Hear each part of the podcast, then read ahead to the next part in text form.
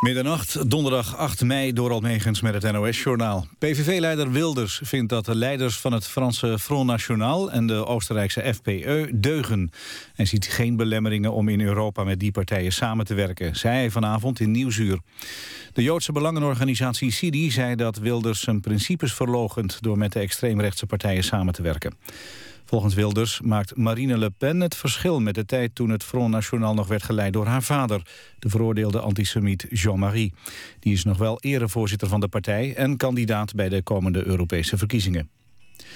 De verkiezingen in Zuid-Afrika zijn rustig verlopen. Rond 9 uur afgelopen avond gingen de meeste stembureaus dicht. Verwacht wordt dat het ANC weer de grootste partij wordt... en dat hierdoor president Jacob Zuma kan aanblijven. Ondanks alle schandalen rond zijn persoon. De grootste oppositiepartij is de Democratische Alliantie van de blanke Helen Zille. Zij zou kunnen rekenen op ongeveer een kwart van de stemmen. De uitslag komt waarschijnlijk zaterdag. Het huis in Susteren in Limburg dat afgelopen nacht doelwit was van een aanslag... is van een lid van motorclub Bandidos, zegt burgemeester Hessels. Hij heeft een noodverordening ingesteld... die onder meer geldt voor de straat waarin het huis staat. Hessels heeft een noodoproep gedaan aan Den Haag... om in actie te komen tegen de motorclubs. Hij wil dat minister Opstelten de clubs kan verbieden. Het VPRO-programma Zomergasten heeft een ere Nipkoff-schijf gewonnen... omdat het al 25 jaar het gesprek van de dag is... zegt de jury van mediajournalisten. De drie nominaties voor de zilveren Nipkoff-schijf van dit jaar... zijn de dramaserie Ramses, de documentaire reeks De Bergen achter Sochi... en het cabaretprogramma De Quiz. De winnaar wordt op 4 juni bekendgemaakt. Het weer vannacht op de meeste plaatsen droog, bij minima rond 10 graden. Overdag vooral in de ochtend en avond regen. Smiddags breekt kort de zon door. Wordt 14 tot 16 graden. Vrijdag forse buien, soms met onweer. En aan zee een harde westenwind. Dit was het NOS Journaal. Radio 1. VPRO. Nooit meer slapen.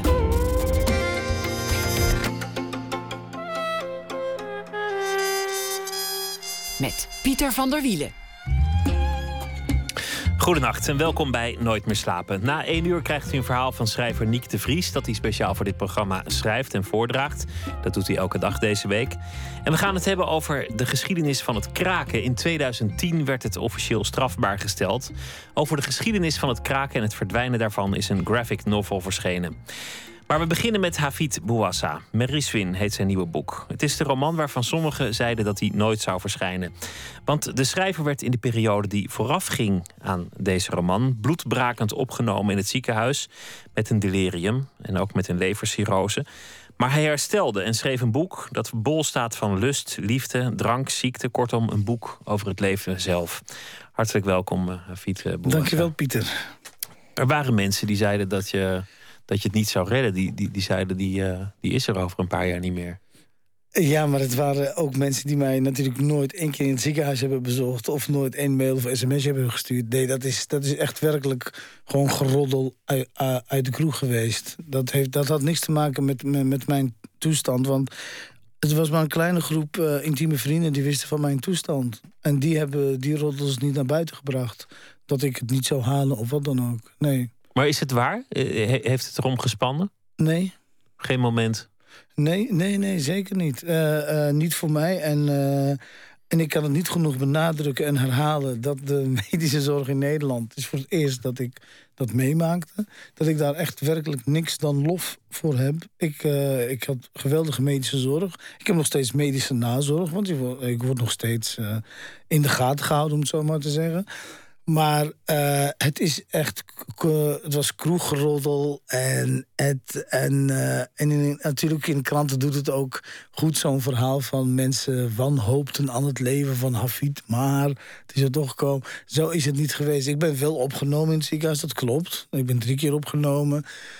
Uh, maar ik ben da daartussen al, al, altijd uh, blijven werken en dergelijke. Dus, en ik ben heel goede medicatie. Dus dat is, uh, het is jammer dat, dat, dat, zo'n, uh, uh, dat zulke geruchten een eigen leven gaan leiden. Want het, en niet omdat ik het erg vind dat, dat het melodramatisch is, maar het, het wordt zo'n cliché. Van iemand die bijna dood was, maar net op tijd een boek heeft afgemaakt. Ik ben blij niet in zo'n cliché te hebben geleefd.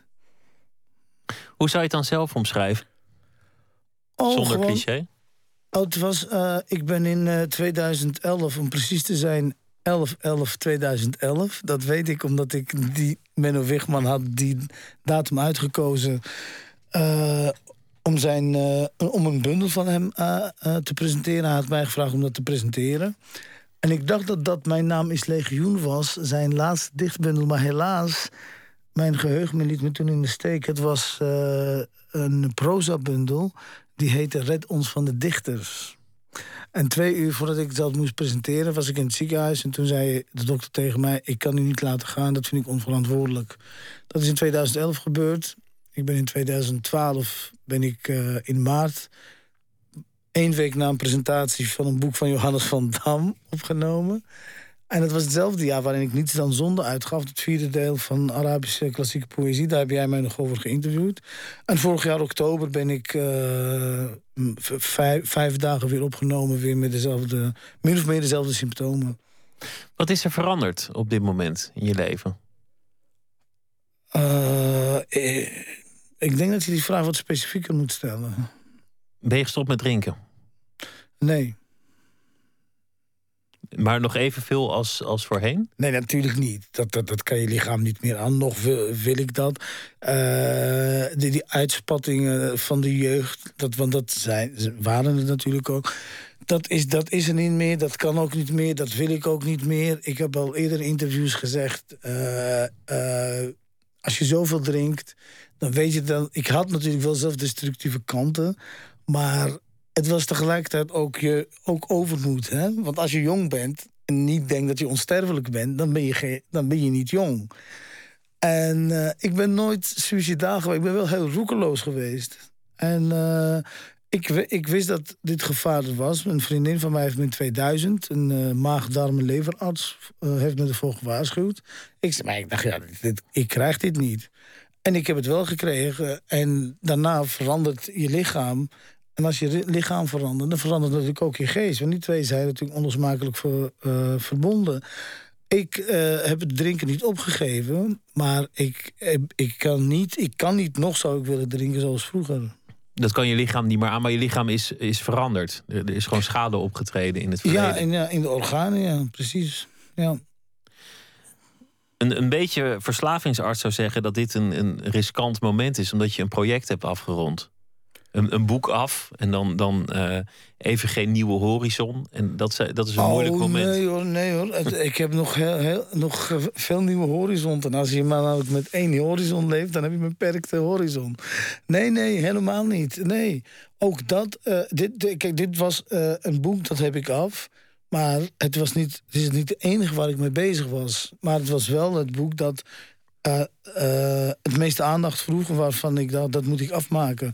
Maar ik, ik kan je zeggen, in november komt een bundeling van... Uh, ja, je, zult het niet geloven, maar van kerstgedichten uit... uit het klassiek Arabisch. Dat komt in november uit. Ik ben bezig met de roman en ik ben ook nog bezig met vertalingen van schelmenverhalen uit het Arabisch. Die dingen had, ik al lang in mijn hoofd, was ik al lang mee begonnen. Die ziekte was, was een onderbreking eventjes. Het is, ja, ik, ik, ik, het, uh, ik, ja, zelf zie ik het niet zo heel erg ja, zo, zo dramatisch. Mensen willen dat natuurlijk heel graag. Mensen willen ook heel graag het verhaal horen van hoe iemand heel veel dronk, maar totdat dat hij uh, aan de rand van de dood zat, dat hij dan tot inkeer kwam en dergelijke. Ik geloof daar niet in. Ik geloof daar niet in. Toch vind ik het iets over jou zeggen, om, omdat, um, omdat jij volgens mij, dat, dat, dat baseer ik eigenlijk vooral op je, op je laatste roman. Heel gulzig leeft. Dat, jij alles doet met totale overgave. Je noemt het net zelf roekeloosheid, maar je zou ook het woord bandeloos kunnen noemen. Is, is dat iets wat in jouw karakter past? Uh, nou kijk, zulke dingen over jezelf zeggen is natuurlijk eigenlijk jezelf uh, ophemelen en, en vleien. Ik, ik ben bandeloos geweest, maar laat ik het zo zeggen, die bandeloosheid zit hem, zit denk ik nog wel in mij, maar die kan niet meer dezelfde vormen aannemen. Er is, ik, er is ook een evenwicht in mij gekomen, dat de, uh, vind ik zelf, waar ik heel erg blij mee ben. En dat heeft niet alleen met die ziekte te maken, dat heeft natuurlijk ook met het ouder worden te maken. En ik hoor van één of twee goede vrienden hebben tegen mij gezegd van ja, Afid, je bent milder geworden. En ik word heel kwaad als ik dat hoor. Want ik wil natuurlijk niet dan meteen bewijzen dat je niet milder bent geworden. Nou, milder, ja, ik, ik denk, ik ben toch niet mijn slagtanden verloren. Maar het is natuurlijk wel zo dat heeft denk ik niet met. Ik weet zeker dat het met, niet met de ziekte heeft te maken. Maar ik ben nu 44. Ik ben. Uh, uh, ik merk wel dat ik, dat ik nu in, wat meer in evenwicht ben. Dat wil niet zeggen dat ik mijn, mijn woede om bepaalde sociale of politieke toestanden of wat dan ook kwijt ben geraakt.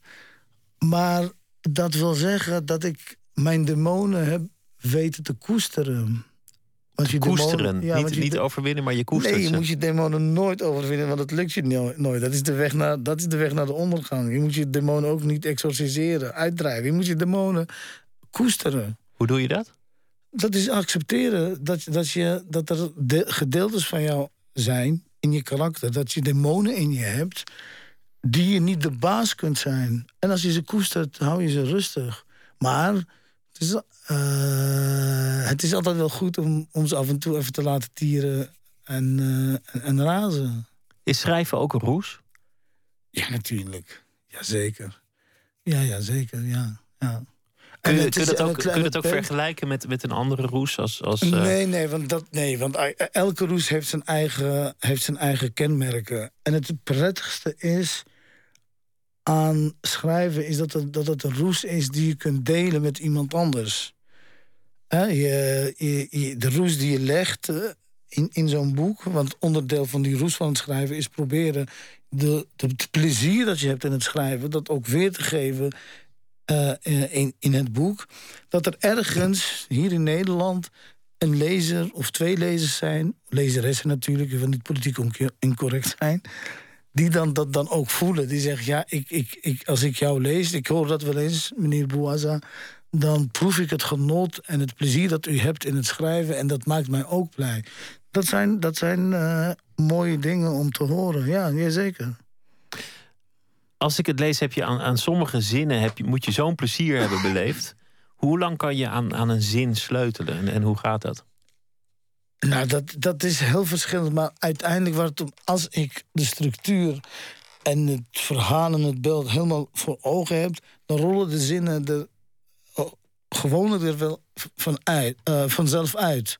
Dus ik, hoef, ik zit echt niet urenlang te denken over mijn zinnen. Hoe moet ik dit nou uitdrukken? Want als ik dat niet weet, dan zit het boek, heeft zich dan nog niet in mij genesteld. Ik wacht heel lang totdat het boek zich in mij heeft vastgenageld, om het zo maar te zeggen.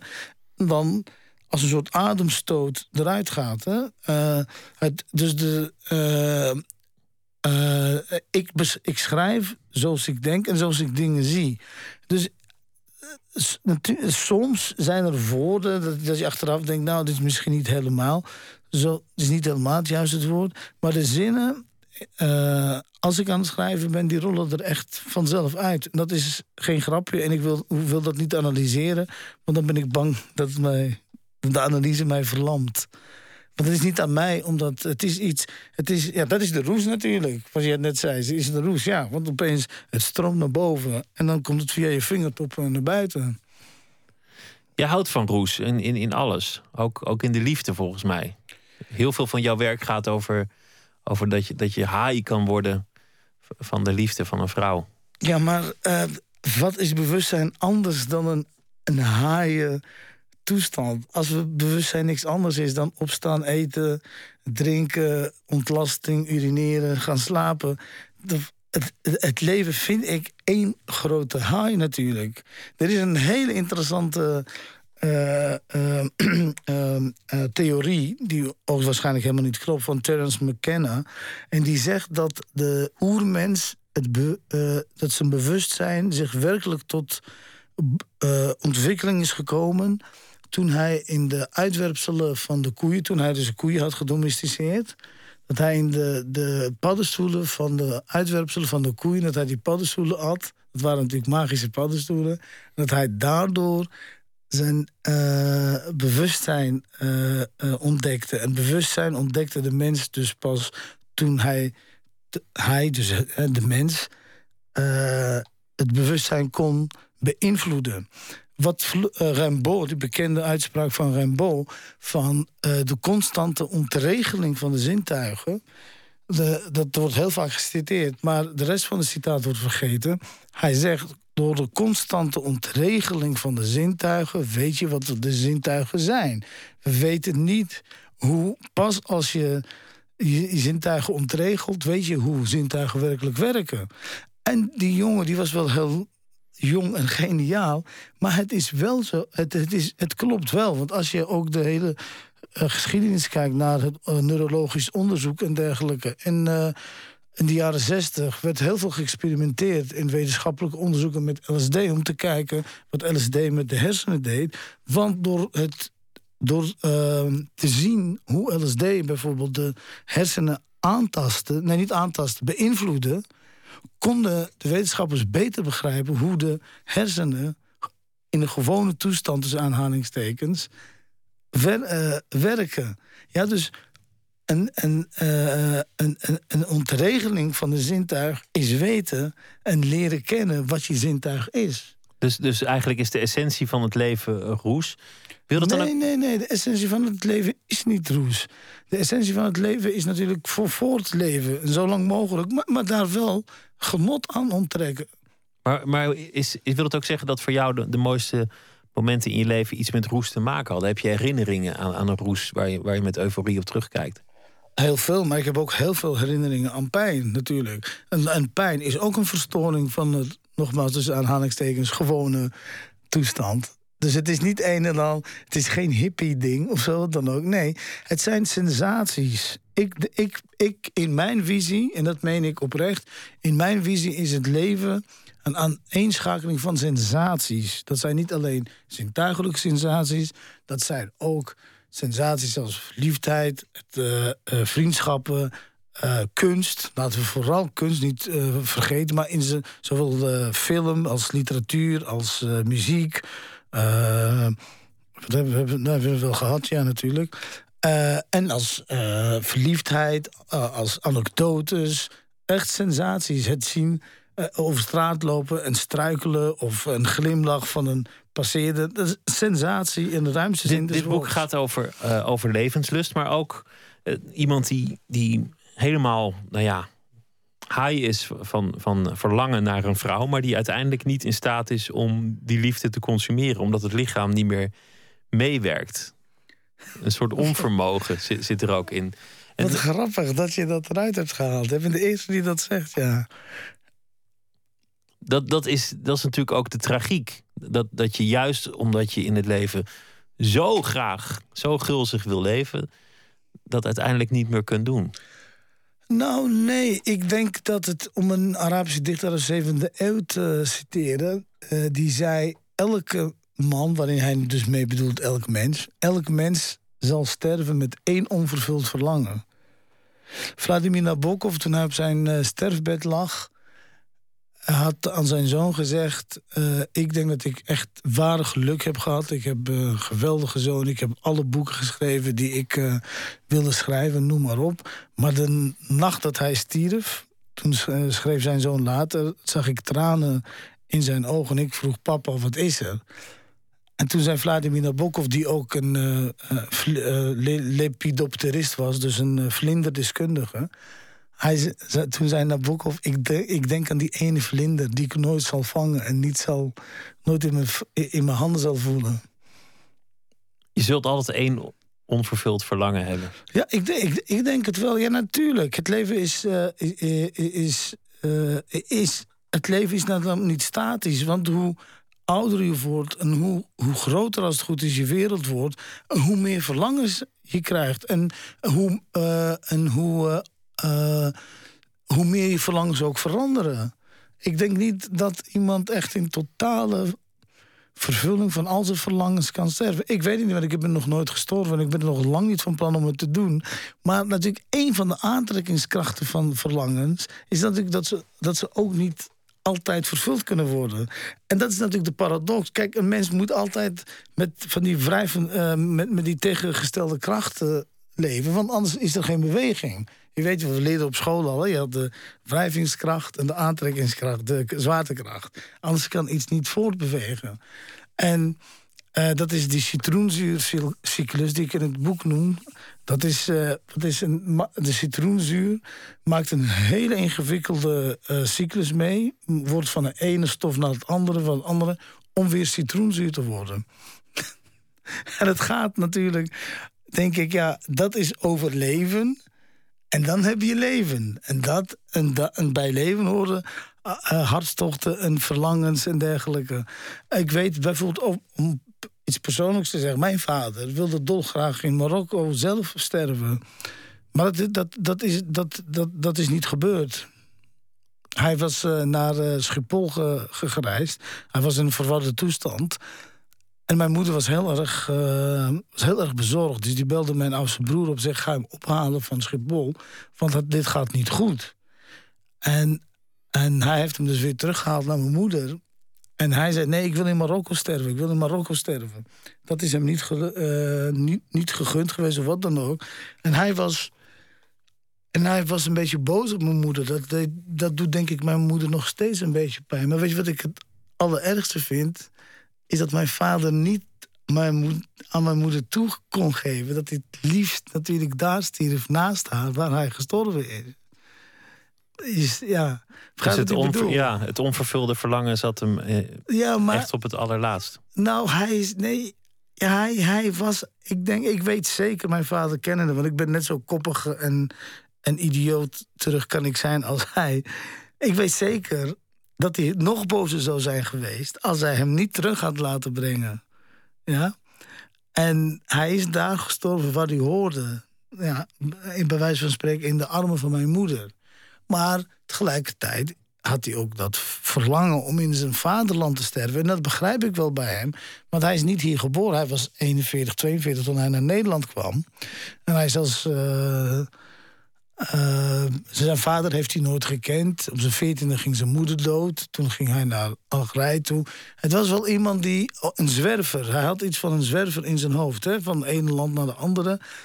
Maar dat verlangen van hem in zijn eigen land te sterven... als mijn moeder had gezegd, ik ga met je mee... dan was dat verlangen denk ik wel vervuld. We gaan luisteren naar uh, muziek. Ray LaMontagne is een Amerikaanse zanger en uh, die heeft een nieuw album. Het nummer dat wij gaan draaien heet No Other Way. I will bring you starlight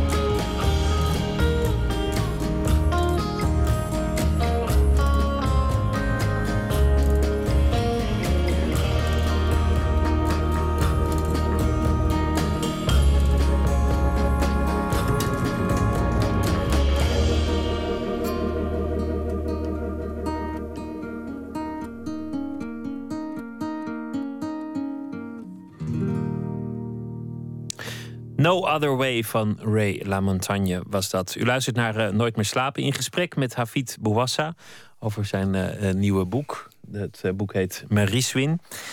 Het, het boek gaat over het leven eigenlijk in, in essentie. Het gaat over, over liefde, over lust, maar ook over ziekenhuisopname en, en over een, een delirium of een, of een delier, over, over een hallucinatoire toestand waarin je door medische oorzaak kunt komen. Je zei net dat je wel houdt van roes, maar door dit is pathologische, een... niet door medische.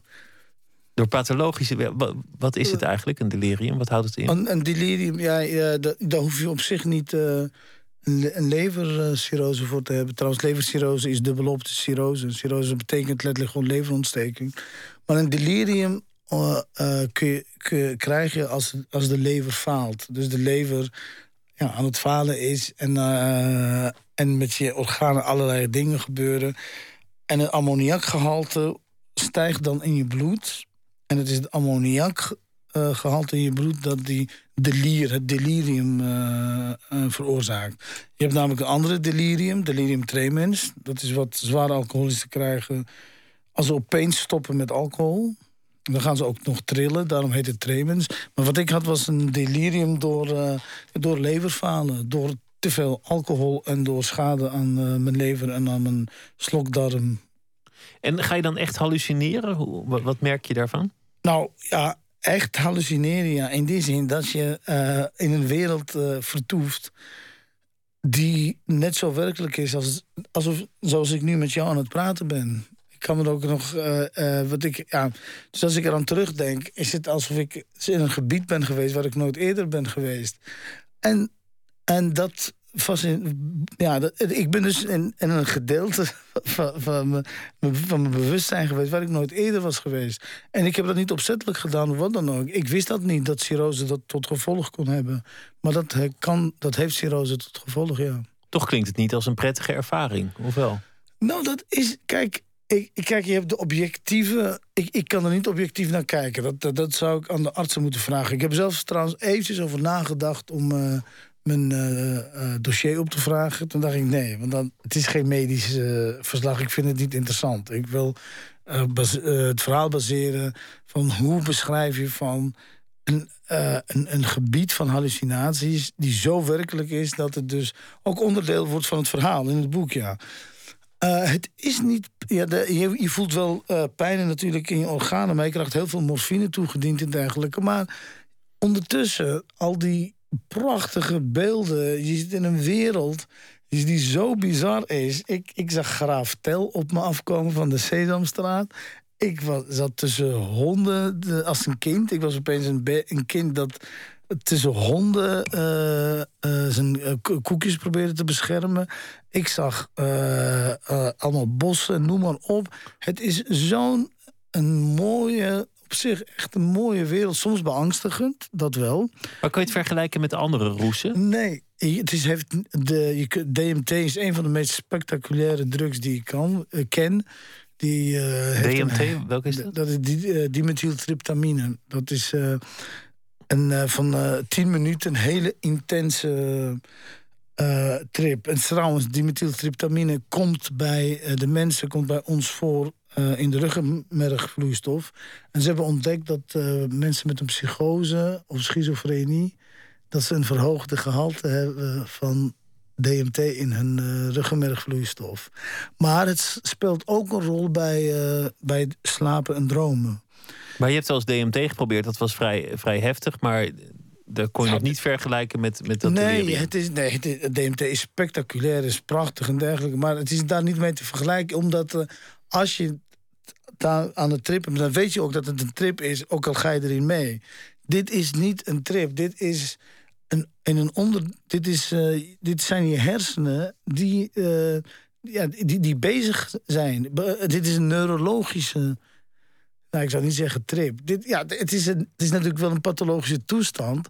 Maar als je in een delirium zit, dan het is werkelijk, het is realistisch. Ja, dat, dat het was voor jou echt, maar, maar was het eng? Af en toe was het wel eng, maar ik kan er- natuurlijk... Kijk, als je in bed ligt daar in het ziekenhuis... en je ziet allemaal aan eh bloedinfusen en allerlei andere infusen... ja, dan is het natuurlijk eh, logisch dat je dan in zo'n delirium denkt... dat je vastgebonden ligt dan, eh, in, bed en dat je niet kunt ontsnappen. En, en het, toen ik aan het schrijven was, moest ik natuurlijk meteen aan Edgar Allan Poe denken. De, de, de Pit in the Pendulum.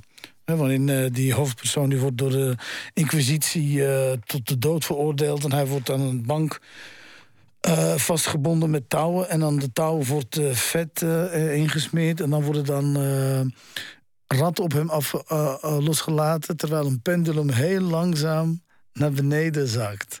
En hij moet ervoor zorgen dus dat hij dat kan.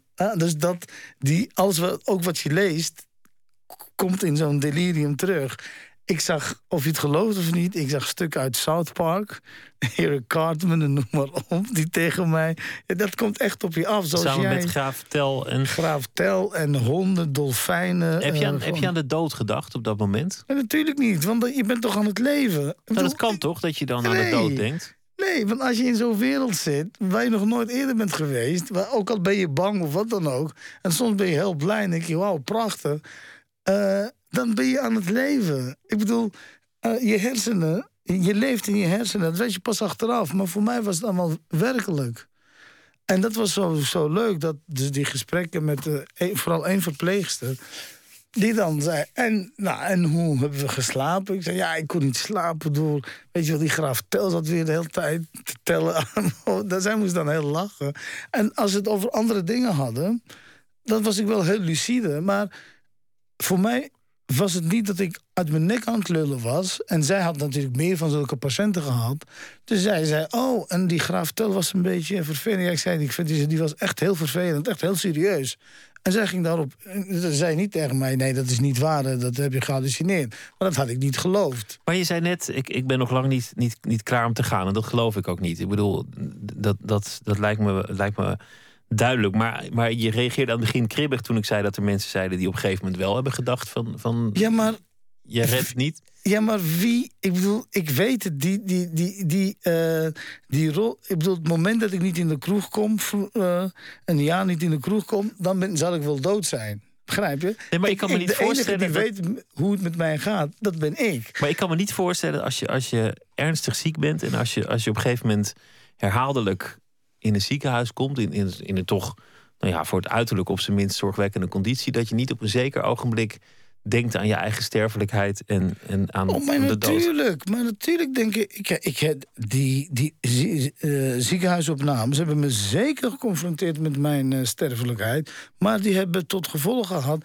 dat ik werkelijk mijn doodsangst totaal kwijt ben. Ik weet dat ik op een gegeven moment dood zal gaan. Ja, ik ook. Wie niet? Ja, nee, maar ik ben er niet meer bang voor. Ik heb ontdekt dat heel veel dingen van waar ik mee bezig was, dat die toch voortkwamen. Ja, heel clichématig, maar dat- ja, oké, ik ben ook, ik was ook maar Ik denk, ja, ik, ik, ben, ik ben niet bang geworden dat ik mij tot Allah heb gekeerd weer, dat ik weer gelovig ben geworden. Ik heb op een gegeven moment gedacht, ja, Hafid, dit, je kunt op, op een gegeven moment elk moment doodgaan. Je bent gewoon sterfelijk. Wil je dood? Nee, je gaat ooit dood. Prima. Dan zal ik eh, verder blijven leven. Zo, en en eh, genietend van het leven verder blijven leven. Maar bang, ik ben echt, ik ben, laat ik zeggen, 95% van mijn angsten ben ik kwijtgeraakt. Dat is eh, een confrontatie. Maar ik was tijdens een ziekenhuisopname dus niet bang om dood te gaan. Nogmaals, als je, ko- kon, als je, als je constant die, in dat delirium zit... waarin alles leeft en beweegt en danst en zingt en eh, muziek hoort... dan denk je toch niet, hé, ik ga dood. Maar ik ben wel echt mijn doodsangst kwijt. Al, ik weet, als ik vanavond naar bed ga... schiet het altijd wel eens door mijn hoofd. Misschien word je morgen niet wakker. Dan denk ik, zwaar. Ik heb een testament eh, meteen laten regelen. Ik heb met mijn kinderen erover gepraat. De enige eh, om wie het werkelijke draait, zijn natuurlijk mijn kinderen. En mijn oudste zoon die heeft me toen eh, bijna dagelijks bezocht in het ziekenhuis. Dus het is. eh, het is ik, Je had het net over onvervuld verlangen. Hè? Dat, dat als je sterft zul je altijd één verlangen onvervuld laten. Er, nou ja, het is toch niet aan de hand. Wat, wat zou nu... Wat zijn de verlangens waarvan je denkt, ja, die, die wil ik echt niet onvervuld laten op dit moment? Oh, weet je, dat, dat maakt mij niet uit. Ik weet dat, dat als ik nu zal sterven, uh, morgen dood zal zijn... terwijl ik dat boek niet af heb dat, waar ik mee bezig ben. Als ik ben dan toch dood, wat kan het mij schelen? Ja, dat is waar, dood is dood. Maar, ja, dus, ja, maar jij zei... ja, nee, maar kijk, ik, ik begrijp wel wat je heen wilt. En ik ben niet de kribbig hoor. Maar het is namelijk mensen. Het is namelijk. Iemand heeft gezegd: als er nooit een liefdesgedicht was geschreven, was nooit iemand verliefd geworden. Als er nog nooit een moralistisch verhaal was geschreven over de dood in de ogen kijken of gedenk te sterven, o nietig mens, dan hadden mensen nooit gedacht dat mensen tot inkeer kunnen komen. Ik, ik, ben niet tot enig inkeer of inzicht gekomen. Ik ben angsten kwijtgeraakt. Dat is wat, wat met mij is gebeurd. En, het, en, en, ik uh, merk, ik heb het niet over jou, Pieter, echt niet, dat mensen soms daar ook geërgerd door worden. Dat je geen angst meer hebt? Nou, nou dat, dat ik niet zeg, nou ja, ik, ik was er zo dichtbij. Ja, nou ja, het leven is toch wel heel... Ik ga toch wel heel anders leven. Ik kan dit en dat. En dan, uh, of uh, word je, ben je weer streng moslim geworden? Ik zei, nee, ik, ik geloof niet in uh, God. Ik zei, mijn moeder is een vrome moslima. En het enige wat ze tegen mij zei was... ze heeft me ook opgezocht in het ziekenhuis. Hé, hey, Hafid, misschien zou je eens wat rustiger aan moeten doen. Dus ja, ik, ik kan, ik zeg jou, ik, zeg, ik heb in al die interviews gezegd, ik kan, ik kan, ik zou best wel voor jou een leuk verhaal willen verzinnen, maar dat, dat doe ik niet, want het is, uh, ik, heb, ik heb dit boek af, ik ben verder aan het schrijven. Uh, je bent ook niet gestopt met, met, uh, met drinken. Ik bedoel, je, je, je leverconditie is nu daar, dus die, daar kom je ook waarschijnlijk niet vanaf als je nu, nu niet zou drinken. Waarom, waarom drink je eigenlijk nog? Nou, omdat, nou, omdat ik het lekker vind. Omdat het het leven de moeite waard maakt, gewoon. Oh, jazeker. Ja. Het maakt, nee, het maakt het. Nee, wacht, sorry. Nee, nee, nee. Het maakt het leven niet de moeite waard. Het voegt toe. Uh, uh, uh, het voegt iets toe aan het leven. En ik. en ik. waarom zou ik uh, uh, ik, kijk, met mijn artsen zeggen ook, Hafid, je zult misschien wat lang, misschien wat korter leven. Het is zonde, wij moeten het wel tegen je zeggen. Als, als... Ik heb voor mezelf ge, gezegd, ja, werk, als, ik, als ik geen zin heb te drinken, dan doe ik het niet. Maar ik, het voegt, drank voegt zeker iets toe, in ieder geval aan mijn leven. Nou, het is ook jouw leven, dus jij kiest. Ja, het gaat uiteindelijk om zelfbeschikking. Het gaat uiteindelijk om zelfbeschikking. En... En uh, kijk, uh, zoals ik eerder zei, voor de dood hoeft niemand zijn best te doen. Want we gaan toch dood. Ik zou een, een, een leven zonder drank, ja, dat heb ik eerder gezegd natuurlijk, is ook leven met een onvervuld verlangen. En ik denk, ja, waarom zou ik zo lang, ik, ik weet niet hoe lang ik nog te leven heb. Maar waarom zou ik denken van, nou, ik blijf van de drank af. Het, het, geeft me een genot, maar het genot is gevaarlijk. Uh, maar misschien leef ik dan langer. Ik zou me dan zelf een lafaard vinden. Maar je had het net over dat op dit moment je kinderen het uh, belangrijk zijn. Die zijn ook langs geweest in het ziekenhuis. Praten die daarover met jou? Ik heb, ik heb het met ze erover. Ik zeg, de enige die het wat aangaat... of die uh, het recht hebben om er iets over te zeggen... of over mij te zeggen, of, dat zijn mijn kinderen. En natuurlijk heb ik het met ze over. Ik ben heel open met mijn kinderen. Mijn kinderen zijn heel uh, open, uh, open, tegenover mij. En uh, die jongste is nog wel eens... ja, als, als hij er is, dan drink ik niet, want hij vindt het niet leuk. Dan denk ik, oké, dan drink ik niet. Dat maakt, mij, dat maakt mij niks uit. Maar dan drink je alleen niet als hij er even is? Er even is? Dat is wel twaalf uur bijna. Sorry hoor. Nou ja, twaalf uur is nog wel te doen, toch? Nee, nee, maar hij begrijpt het namelijk nog niet helemaal goed. Hij is negen. Uh, ja, dit wordt wel heel persoonlijk. Maar wat wil je nou eigenlijk weten? Jij, jij wilt eigenlijk weten waarom ik door blijf drinken... terwijl ik weet dat ik daardoor wat weer opgenomen kan worden in het ziekenhuis? Wat, ja, dat is eigenlijk... Nou, wat ik eigenlijk, wat ik eigenlijk wil weten is... Um, wat jou drijft in het leven... en, en wat jou eigenlijk ook richting eventuele vernieling helpt. Zelfbeschikking, zo, zo groot mogelijk uh, zelfbeschikking. Want ik weet dat je totale zelfbeschikking niet hebt. en ik heb gemerkt dat, je, dat ik nog de meeste zelfbeschikking zal hebben over mijn lijk. Terwijl ik dus niks meer aan heb, omdat ik alles kan vastleggen wat er met mijn lijk moet gebeuren. Wat mij drijft is, is levenslust, niet doodsdrift. Levenslust is het? Ja, natuurlijk. Maar uh, je kunt het ook doodsdrift noemen. Maar ik denk dat doodsdrift totaal wat anders is dan levenslust. Natuurlijk is het levenslust. Anders zou ik hier niet eens zitten om een boek te promoten. Dan denk je, ach ja, geld, wat maakt het uit? Uh, of een boek nou meer verkoopt of niet. Ik vind mezelf best wel levenslustig. Maar uh, dat, dat, dat een levenslust voor mij neemt in ieder geval ik beslis zelf hoe. Uh, uh, neemt toch van voor mij zulke vormen aan. Andere mensen doen dat op een andere manier. Dat kan ook. Ik zeg niet dat mijn manier de manier is. Ik zeg alleen van. Dit is hoe ik wil leven. Het heeft mij lang gekost om een bepaalde mate van vrijheid. Let goed op wat ik zeg. bepaalde mate van vrijheid en zelfbeschikking uh, te bereiken. En, en, en, dat, en die wil ik niet kwijtraken. Maar ik, zit ook hopelijk niet te moraliseren. Ik ben, ik ben niet je arts of, of, je, of je priester. Oh, of, mijn uh, artsen moraliseren helemaal niet. Maar ik weet, of, ik, weet ik veel, ja. Ik krijg nee, zulke vragen veel meer. Maar ik, ik, ik, het, ga, het blijkt... Maar ik weet nooit het is iets wat precies wat, de punt, wat, wat het punt van die vragen is. Mensen begrijpen het niet. Ik denk dat dat het is. Dat, dat, dat andermans leven ziet er altijd overzichtelijk uit. En mensen denken, goh, een jongen met zoveel talent... die, die eigenlijk zoveel ja, en weet je, wat, weet je wat ik vind? Weet je, Nederland is echt het land. Ik ben in Nederland opgegroeid. In Nederland is, is, de cultuur waar ik heb geleerd. Dat meen ik echt. Van de lagere school, middelbare school. Met, uh, in Amsterdam met vrienden die ik heb hier ontmoet. Nederland was het land dat mij heeft geleerd jezelf te accepteren. Uh, je nooit voor jezelf te schamen. Of hoe je eruit ziet. Of wat je denkt. En uh, je bent vrij en dergelijke. Dat heb ik hier in Nederland geleerd. Dus wat is er. Dan vind ik, ik vind het dan heel vreemd. Dan, dat, dat, dat wat voor mij heel Nederlands is, dat dat dan zo vreemd overkomt voor andere Nederlanders. Ja, misschien heeft het er ook wel mee, mee, te maken, omdat dat Nederland is ook een land van zuipen. Iedereen zuipt in, in Nederland zo'n beetje. Ik denk dat, dat het ongeveer de, naast klompen en boerendansen ja, het ja, maar hoe noordelijker je komt, hoe meer er gezopen wordt. Er wordt natuurlijk enorm gezopen in Nederland. En uh, daar is ook best wel wat voor te zeggen om, om veel te zuipen. Maar je bent opgegroeid in een cultuur waar, waarin alcohol de duivel is. Maar maakt dat uit eigenlijk?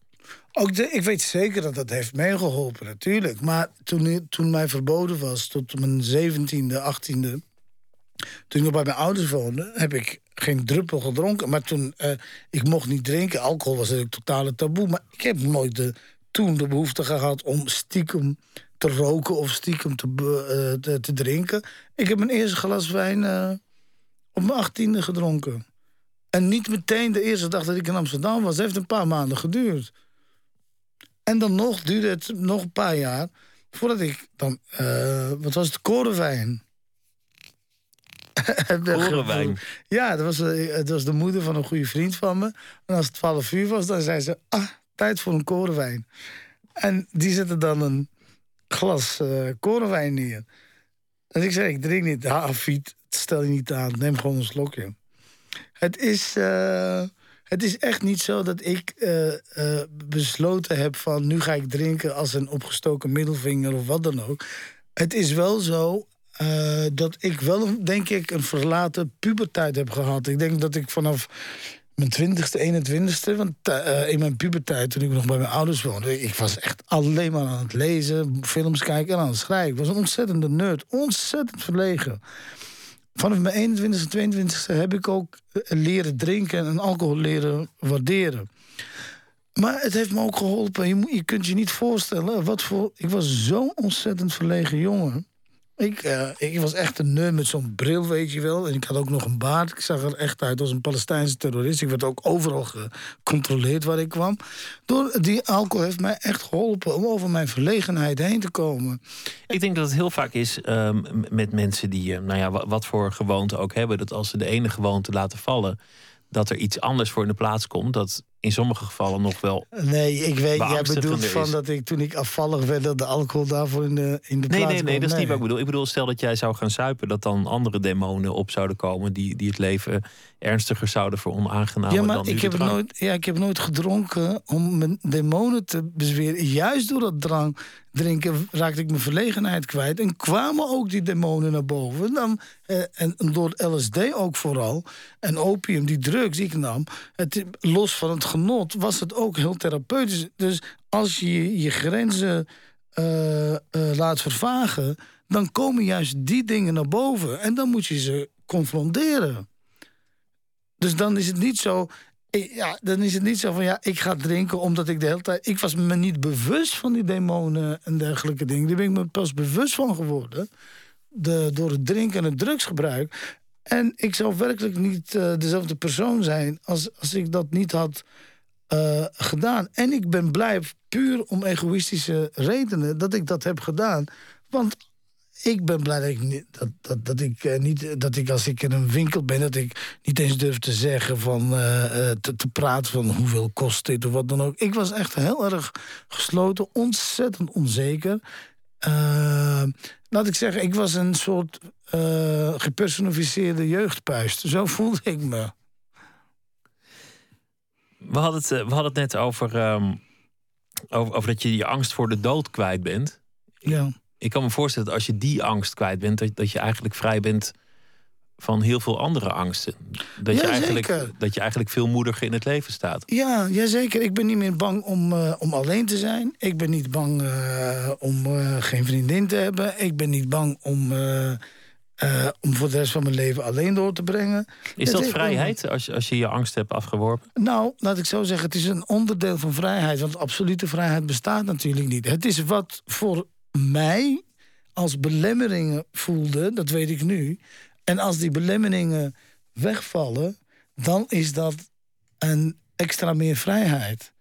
En ik, en ik praat hier echt alleen voor mezelf. Voor het luisteraars denken van, ja, je hebt makkelijk... Ik praat alleen voor mezelf.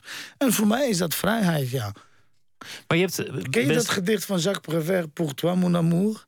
Zo van, voor jou, mijn geliefde, kocht ik een ijzeren kooi... en ging naar de slavenmarkt, maar ik kon je daar niet vinden. Is dat, de, is dat niet uit diezelfde bundel waarin hij ook zegt... ik herkende, het of ik herkende het ware geluk aan het lawaai dat het maakte toen hij wegging? Ja, ja, ja, ja, dat is een van zijn eerste bundels, ja. Maar de, de, de metafoor bij Jacques Prévert is van... als je een geliefde wilt, wilt vangen of wilt hebben... dan moet je haar niet in, in, naar de slavenmarkt gaan... en een slaaf proberen te kopen en in een kooi te stoppen... Nee, je moet uh, pas op het einde, als je zegt pour toi mon amour, heb ik de kooi opgelaten. Ja. Pas als je de ander uh, de vrijheid geeft, dan komt hij naar je toe.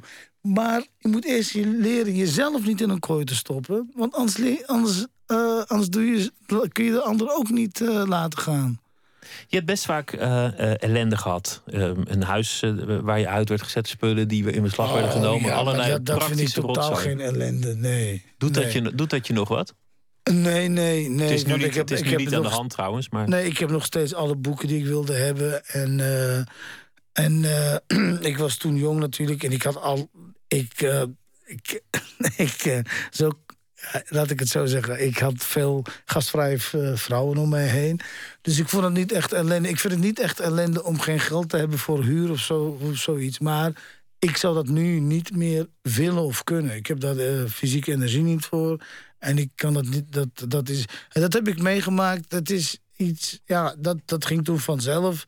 Ja, maar ik heb daar geen spijt van. En nog ben ik iets kwijtgeraakt waarvan ik nu nog steeds spijt heb. Nee, in tegendeel. Ik heb er eigenlijk alleen maar uh, uh, leukere dingen voor uh, in de plaats gekregen. Je hebt um, een boek geschreven dat, dat enorm goed ontvangen is nu, tot nu toe. De, de, de, de recensies komen nog, maar de eerste reacties zijn, zijn buitengewoon laaiend. Je, je hebt je eigen vrijheid gevonden. Maar ja, wacht even. Grote mate van vrijheid. Grote, ja, want absolute van... vrijheid bestaat ja. niet. Dat zeiden we net. Ja. Maar, maar het, het, onvervulde verlangen is, je zei, alles gaat natuurlijk nu om, om mijn, kinderen. Nee, ik zei, kijk, ik, de, uh, de enige, want je had het over die mensen die zeiden van ja, Hafid is dood en dat boek komt niet af en dergelijke. Toen zei ik nou, kijk, alleen mijn intieme vrienden en mijn kinderen, die hebben daar recht over van spreken. En als iemand mij aanspreekt op mijn gedrag of wat dan ook, dan dat zijn de enige naar wie ik luister, zijn naar mijn kinderen. Ik wil niet zeggen dat ik gehoorzaam, ik wil zeggen dat ik luister. Maar ik neem aan dat je wel een soort beeld hebt van wat voor eh, vader je wil zijn of, of hoe je wil dat ze tegen je aankijken, dat soort dingen. Oh nee, dat heb je, daar, heb je tot, nee daar heb ik totaal geen uh, invloed op. Ik vind het, uh, laat ik het zo zeggen, ik ging vroeger vaak met ze naar de bioscoop toen ze jonger waren. Ze vonden het heel erg leuk.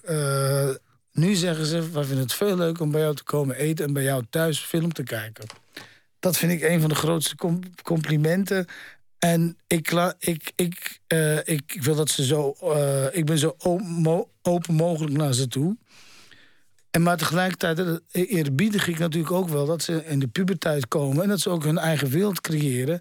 En geen behoefte hebben aan een papa die zegt: masturbeer je al? Weet je wel? Nee, zo'n vader wil ik. Ik ben geen. Ik ben niet. Ik probeer niet een vader te zijn. Ik ben vader, omdat ik die kinderen heb verwekt. En voor de rest ga ik met ze om uh, zoals ik van ze, van ze houd. is heel natuurlijk. En als ze bij mij thuiskomen en uh, alleen of samen... en ze hebben zin om de hele dag zwijgend voor zich uit te kijken... ze hebben geen zin om te praten, vind ik dat ook prima. Wil je dat ze trots op je zijn? Nee. Ben je gek geworden? Nou, dat, dat willen heel veel ouders. Die, nee, waarom zouden ze trots op me moeten zijn? Nou, omdat je mooie boeken schrijft, omdat je talent hebt. Nee, ik wil niet dat ze trots op me zijn. Ik, ik wil niks van ze. Zij hebben totaal geen verantwoordelijkheid voor mij. Ik, ik, ik, ik, heb ze verwerkt. En ik ben, uh, ik, ik, ben, ik ben dol op ze. Ik hou ontzettend veel van ze. Maar ik hoef ook niet trots op ze te zijn. Als, als er problemen op school zijn, dan praat ik met ze erover. Als ze er niet over willen praten, zeg ik dat vind ik ook prima. Maar ik zeg toch wat ik wil, wat ik, wat ik ervan vind. Maar zo, ik wil helemaal niet dat ze trots op me zijn. Ik hoop. Uh, wat, ja, als ik dood ben, maakt het niet uit. Maar ik zou het leuk vinden dat ze nu tegen vrienden. Dat, ze gewoon leuk vinden. Zeggen, oh, we hebben een leuke tijd bij papa gehad. We hebben een leuke film gekeken. Dat ze zich, uh, zich vrij voelen bij mij in mijn huis. Dat mijn huis hun huis is. Dat mijn hart, dat ze ook in mijn hart zitten. Trots op mij? Nee. Ik, ik, dat, je, je kunt niet trots zijn op iets wat je niet zelf hebt bereikt. Ik, ze hoeven totaal niet trots op me te zijn. Echt niet. Hafid, dank je wel. Ik vond het leuk uh, dat je te gast was. Ik, ik uh, noem, nog, noem, nog één keer uh, het boek Mariswin, je, ja. je, nieuwe roman. En ik wens je een goede nacht en hopelijk tot snel. Dank je wel, Hafid. Jij bedankt, Pieter. Hafid Bouwassa was dat. Volgende week dinsdag wordt de Libris Literatuurprijs uitgereikt. En die avond hebben we in Nooit meer slapen een gesprek met de winnaar live vanuit het Amstelhotel. Een aanloop naar de prijsuitreiking komt er iedere avond een ambassadeur aan het woord van het genomineerde boek. En vandaag is het woord aan schrijver en dichter Vrouwtje Tuinman. Zij neemt het op voor de roman Het Verdwijnen van Robert van Robert Welagen. Zo ongeveer begon mijn tweede leven. Nou ja, begon. Het leek meer op uitstellen. Ik was op een andere plek waar andere mensen woonden die een andere taal spraken. Verder leek mijn nieuwe leven nog best veel op mijn oude bestaan. Mijn naam was nog steeds Robert Wellage. Ik woonde opnieuw in een appartement en mijn gewoontes had ik meegenomen. Als ik s'morgens eieren bakte, spaarde ik de gebroken schalen op in een kartonnen doosje en gooide ze in één keer allemaal weg. Ik ging nog steeds op tijd naar bed en ik scheurde ook nu mooie afbeeldingen uit kranten en tijdschriften om ze te gebruiken als boekenlegger. Maar er was één verschil. Nu hadden deze bezigheden een magisch karakter, omdat ik ze deed nadat ik was verdwenen.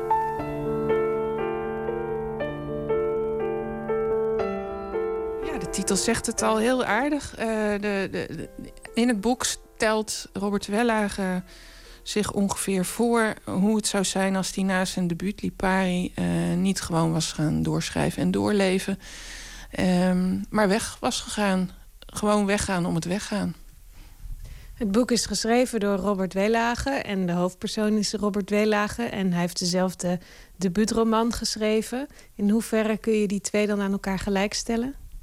Ja, ik denk totaal niet, want um, hij woont hier toevallig in de stad. Maar bij mijn weten is hij niet verdwenen. En heeft hij nog een aantal prachtige andere boeken tussendoor geschreven. Dus hij heeft duidelijk in het echt een andere keuze gemaakt. Maar dat is natuurlijk wel wat je doet als schrijver. Als het goed is, probeer je iets voor te stellen en dat over te brengen. En hij heeft zich voorgesteld hoe zijn leven diametraal anders had kunnen zijn. En uh, nou ja, daar kan je als lezer heel eind in meegaan. Dat je toch gaat zitten googelen, denk ik.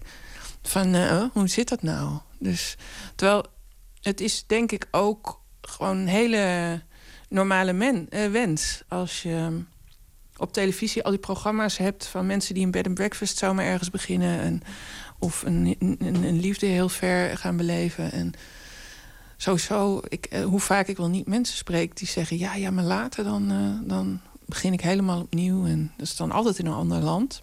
En um, het is een vrij algemeen soort verlangen en niemand voert het uit. Waardoor het blijft bestaan. Dat, dat boerderijtje in Frankrijk blijft in je hoofd hetzelfde boerderijtje in Frankrijk, zolang je er maar niet heen hoeft te verhuizen. En hij, speelt daar heel goed mee. Hij doet het in het boek wel. Hij gaat wel naar Duitsland en nog veel verder weg. En um, treft daar dan uh, zichzelf aan.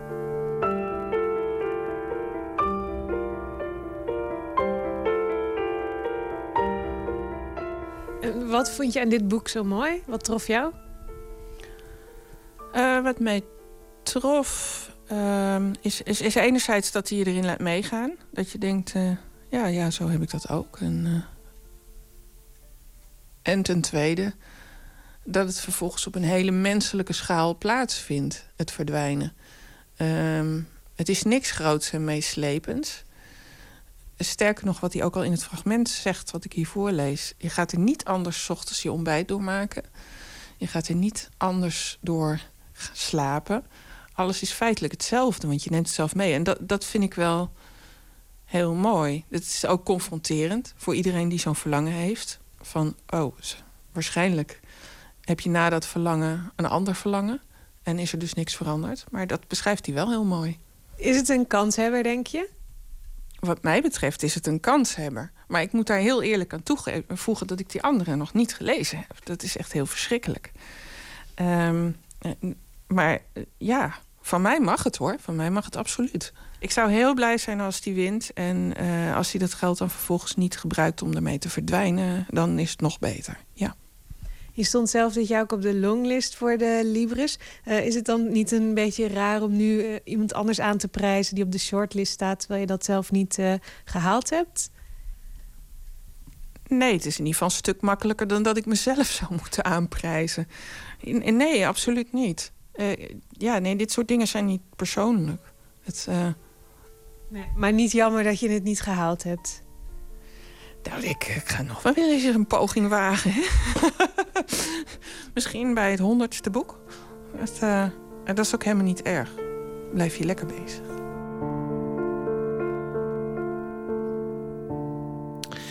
Schrijver en dichter Vrouwtje Tuinman nam het op voor het verdwijnen van Robert van Robert Weelage. Een bijdrage van Inge Ter Schuren. Morgen weer een kandidaat voor de Libris Literatuurprijs. Filosoof Peter Paul Verbeek over Roundhay tuinscène van Marente de Moor. En uh, meer genomineerden en andere dingen erover vindt u op de boekensite van de VPRO. En aanstaande dinsdag dan zenden wij live uit vanaf de Libris uh, literatuuruitreiking met dit programma. Zometeen uh, gaan we het hebben over design en over kraken. En u krijgt een verhaal van uh, Niek de Vries. Die schrijft deze week elke dag een verhaal voor dit programma. Op Twitter, @vpro_nms of via de mail nooitmeerslapen.vpro.nl. Graag tot zometeen. Dan zijn we er met het tweede uur van dit programma. Tot dan.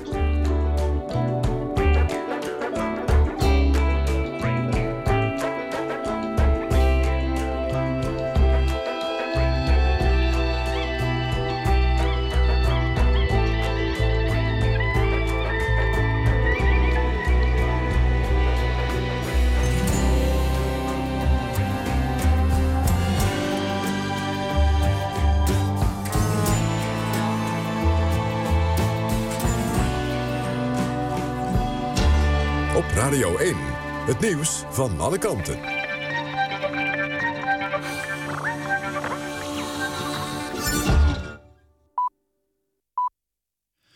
1 uur door Almegens met het NOS-journaal.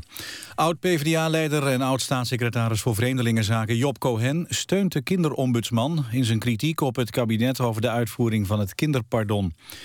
Ik begrijp wel dat je daar je wenkbrauwen bij optrekt... zei Cohen in Met het oog op morgen op Radio 1.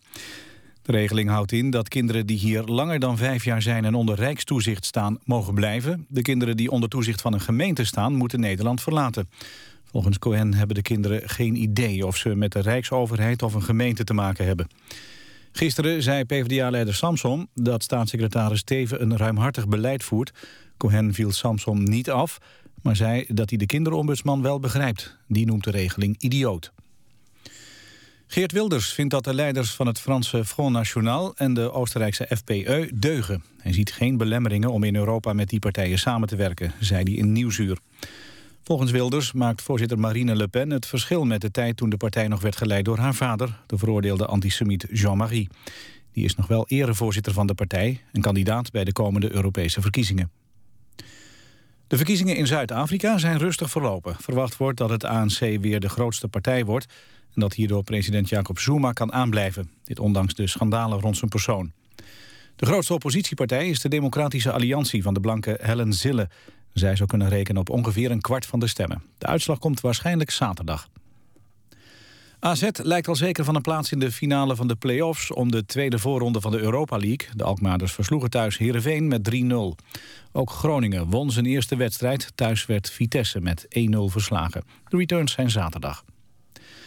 Het weer nog vannacht op de meeste plaatsen droog, bij minima rond 10 graden. Overdag vooral in de ochtend en avond regen. Smiddags breekt kort de zon door.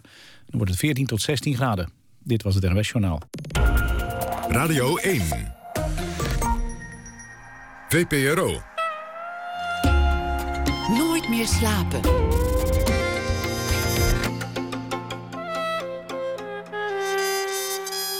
Met Pieter van der Wielen.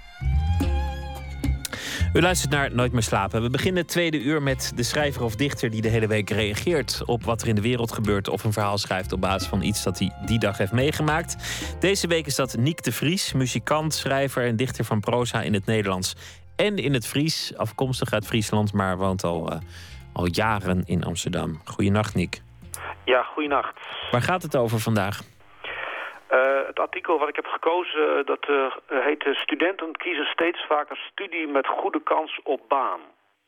Ja, dat heb ik gelezen. En er stond ook een lijstje bij waarmee je wel kans en waarmee je niet kans op een baan hebt. Ja, precies. kansrijke studies als techniek, gezondheidszorg en landbouw winnen aan populariteit. En zachte studies als kunst, taal en cultuur trekken juist minder studenten. Ja, en daartussen de niet kansrijke studies stond ook bedrijfskunde, terwijl in mijn tijd iedereen zei: je moet bedrijfskunde gaan studeren, dan vind je tenminste een baan. Dat vind ik zo grappig dat dan al die mensen dat zijn gaan doen. Dat is eigenlijk helemaal niet grappig, diep tragisch natuurlijk. Ja, nou, ik heb zelf geschiedenis uh, gedaan. Ja, dus ik ook. Is... Daar vind je nooit wat mee, toch? Nou, dus, uh, precies. Dus, uh, maar goed, mijn vriendin die zit ook in de kunst. En we hebben een, een, een kleintje van dik twee, ruim twee. Dus we, vragen ons, we, vroegen ons laatst af of we hem dan uh, later ook zouden adviseren om ook in de kunst te gaan. En? Wat, wat was jullie uh, gedachte daarover uiteindelijk? Uh, ja, daar gaat uiteindelijk het verhaal over. Nou, verhaaltje. Laat horen, ik ben benieuwd. Oké. Okay. Plotseling waren we omringd door misschien wel duizend schapen. We konden niks anders doen dan wachten. En zittend op de heuvel filosofeerden we over de mogelijke beroepen van onze dochter die op komst was. Onze generatie was opgegroeid met het idee dat je plezier moet hebben in je studie. Of eigenlijk in je hele leven. Voordat ik geschiedenis ging studeren had mijn vader me weliswaar gevraagd... is de bouw ook niet iets voor jou? Hij vond geschiedenis zelf ook wel interessant. Maar voor hem was het vooral een hobby. Iets voor in de avonduren, zei hij. Toch werkte hij me tenslotte niet tegen toen ik mijn zin doorvoerde. Zittend op de heuvel kwamen we er niet echt uit. Of we straks de nadruk moesten leggen op plezier... of dat we ons kroost moesten uitleggen dat er in het leven ook een winkeltje moet worden gerund. Tegen vieren kwam uiteindelijk de herder, die een beetje onhandig de schapen uiteen begon te jagen. Ik kreeg zelfs de indruk dat hij dronken was, aangezien hij twee keer omviel. Ondanks de mooie middag was ik erdoor geërgerd En voordat we verder reden, wees ik hem nadrukkelijk op het kratje bier onder zijn stoel bij de poort. Is dat nou wel verstandig? vroeg ik. Hij keek bijna vriendelijk van zijn stoel naar mij. Wat is nou een kratje bier? zei hij. Een krat schapenjoghurt. Zuip dat maar eens leeg. Ja, dat is dus het, uh, de, de, de moraal uiteindelijk ook. Hè? Maar um, wat, wat, wat zou je nou adviseren aan, aan, aan dat kind? Ik bedoel, die, die wordt straks oud en dan, dan zegt hij... nou, ik wil naar de kunstacademie, ik, ik wil een creatief beroep. En dan, nou, papa en mama ook allebei een creatief beroep. Gaan jullie dan toch zeggen, nee, doe, doe dat nou maar niet... want het wordt een lastig, uh, schraal bestaan? Um, uh, dat kan ik nog niet echt overzien. Maar uh, ik, ik had het dus net over dat winkeltje dat moet worden gerund... Dat heb ik uit een, eh, een interview met, van, met Spinvis. En diens zoons, of zoon, volgens mij als ik het goed heb begrepen... die gaat nu volgens mij naar de kunstacademie. En hij zei in dat interview van ja, oké...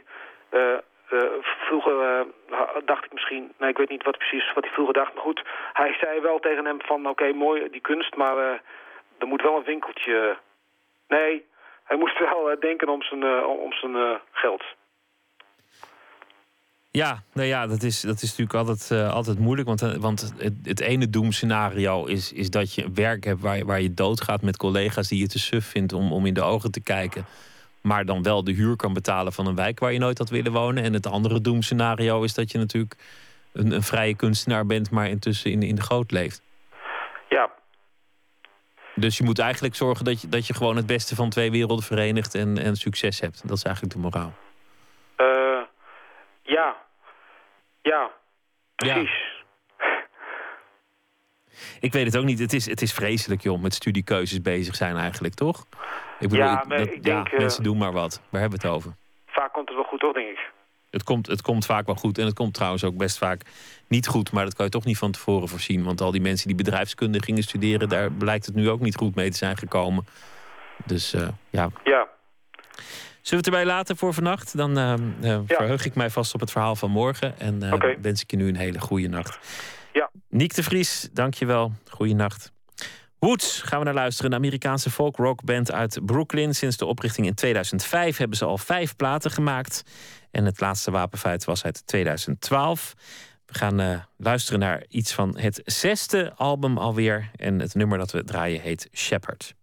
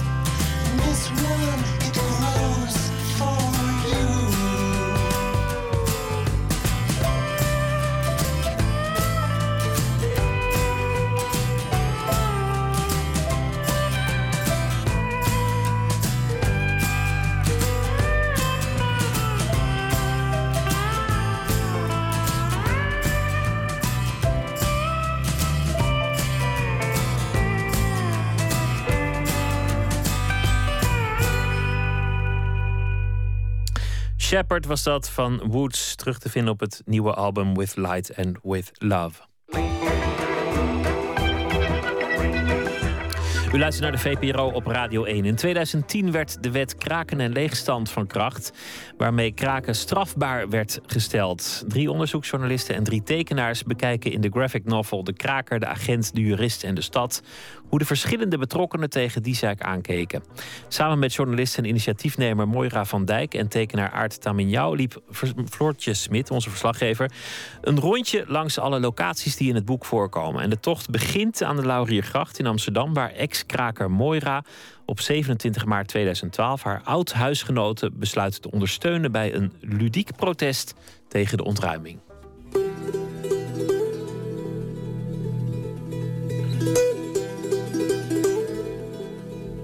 Ik was toen hier, waar nu net ook deze boot voorbij uh, vaart. En ehm, dat bootje lag hier in het water. En we waren eigenlijk begonnen aan de andere kant van de brug. Maar al door een politieboot deze kant uh, opgeduwd.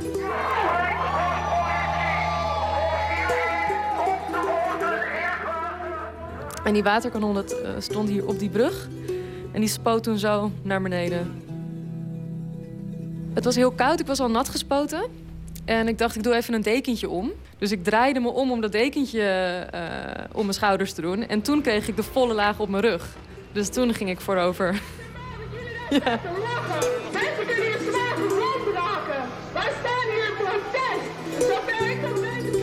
Ik vond het toen echt heel erg naar meer achteraf. Ik moest in eerste instantie heel erg lachen van het moment. Van de schrik ook. En daarna dacht ik wel, ja, die kraakwet betekent gewoon dat wij gecriminaliseerd zijn. En dat heeft dus tot consequentie dat de politie ook denkt dat ze dit soort dingen zomaar kunnen maken. Dat gevoel had ik echt heel sterk. En dat, dat, was, uh, dat was een heel naar gevoel was dat. Zo ondervond Moira van Dijk de gevolgen van het kraakverbod aan den lijve.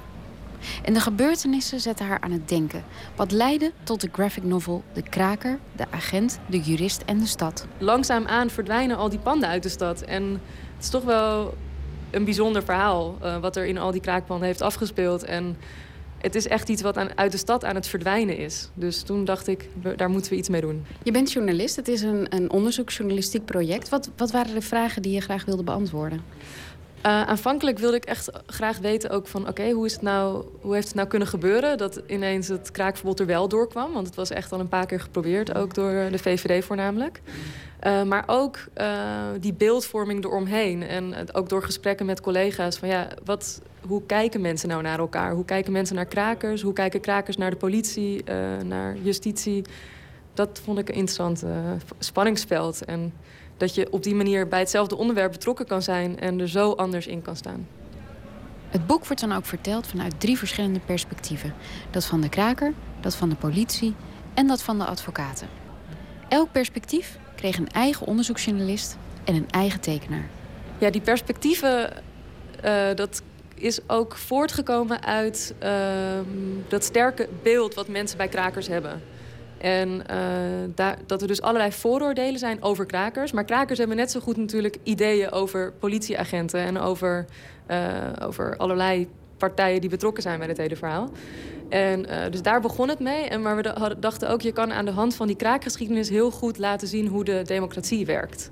En hoe zo'n wet tot stand komt. Dus het kraakverbod is een initiatiefwet geweest van, van mensen van politieke partijen.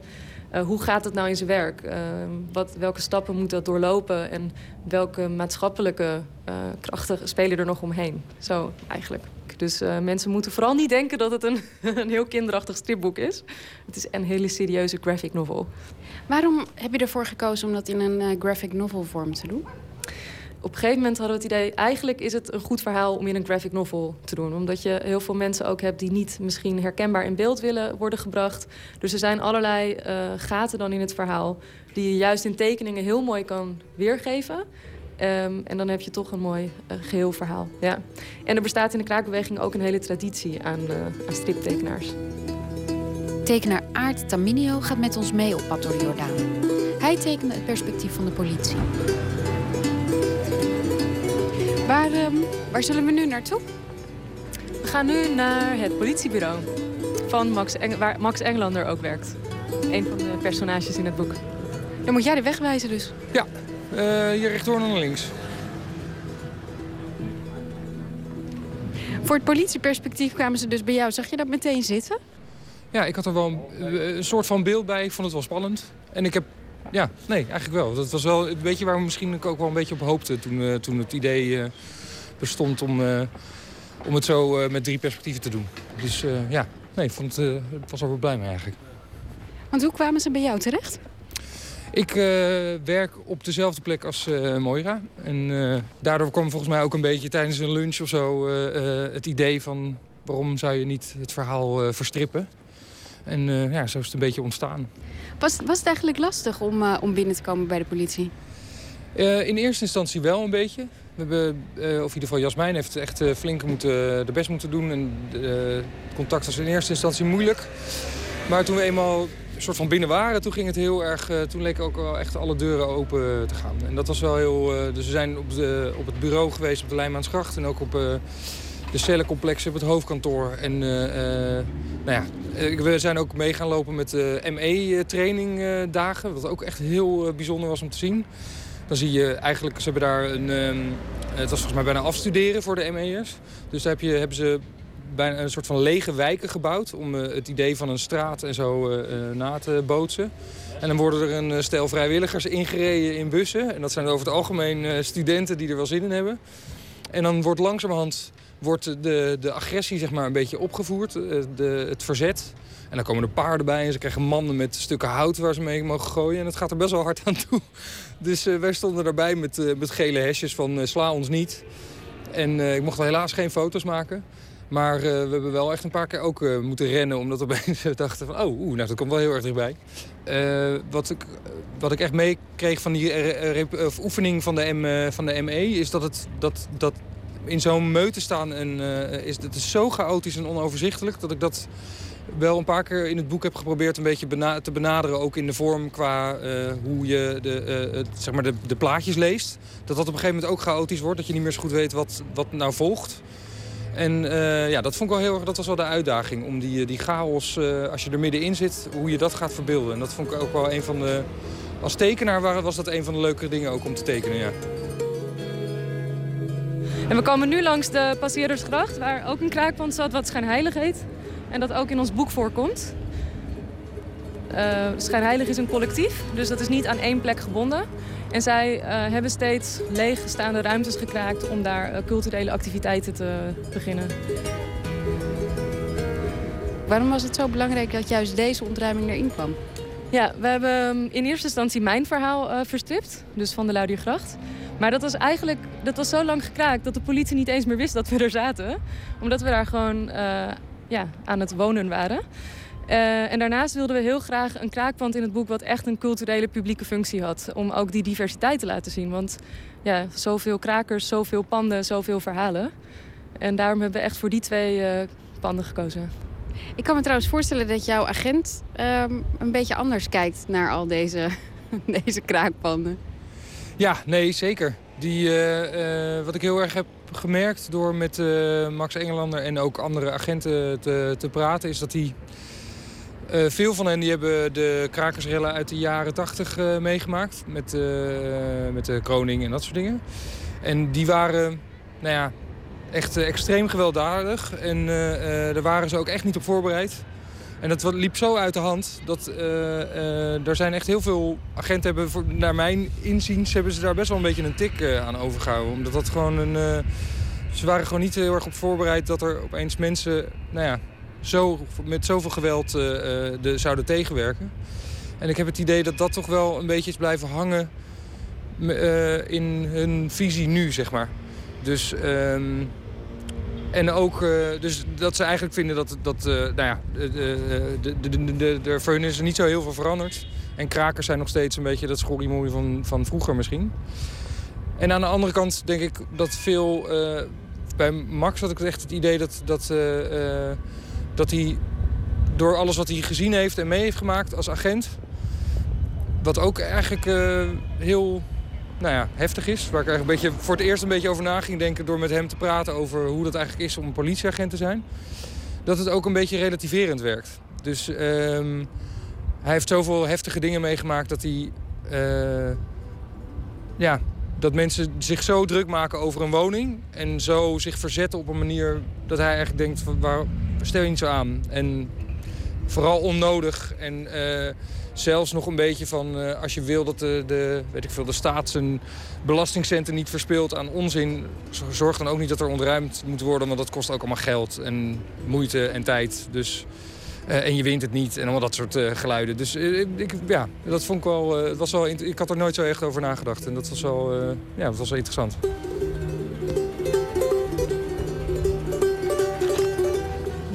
We lopen door de Raamdwarsstraat naar het politiebureau. En ik kijk nu eigenlijk naar de Melkweg.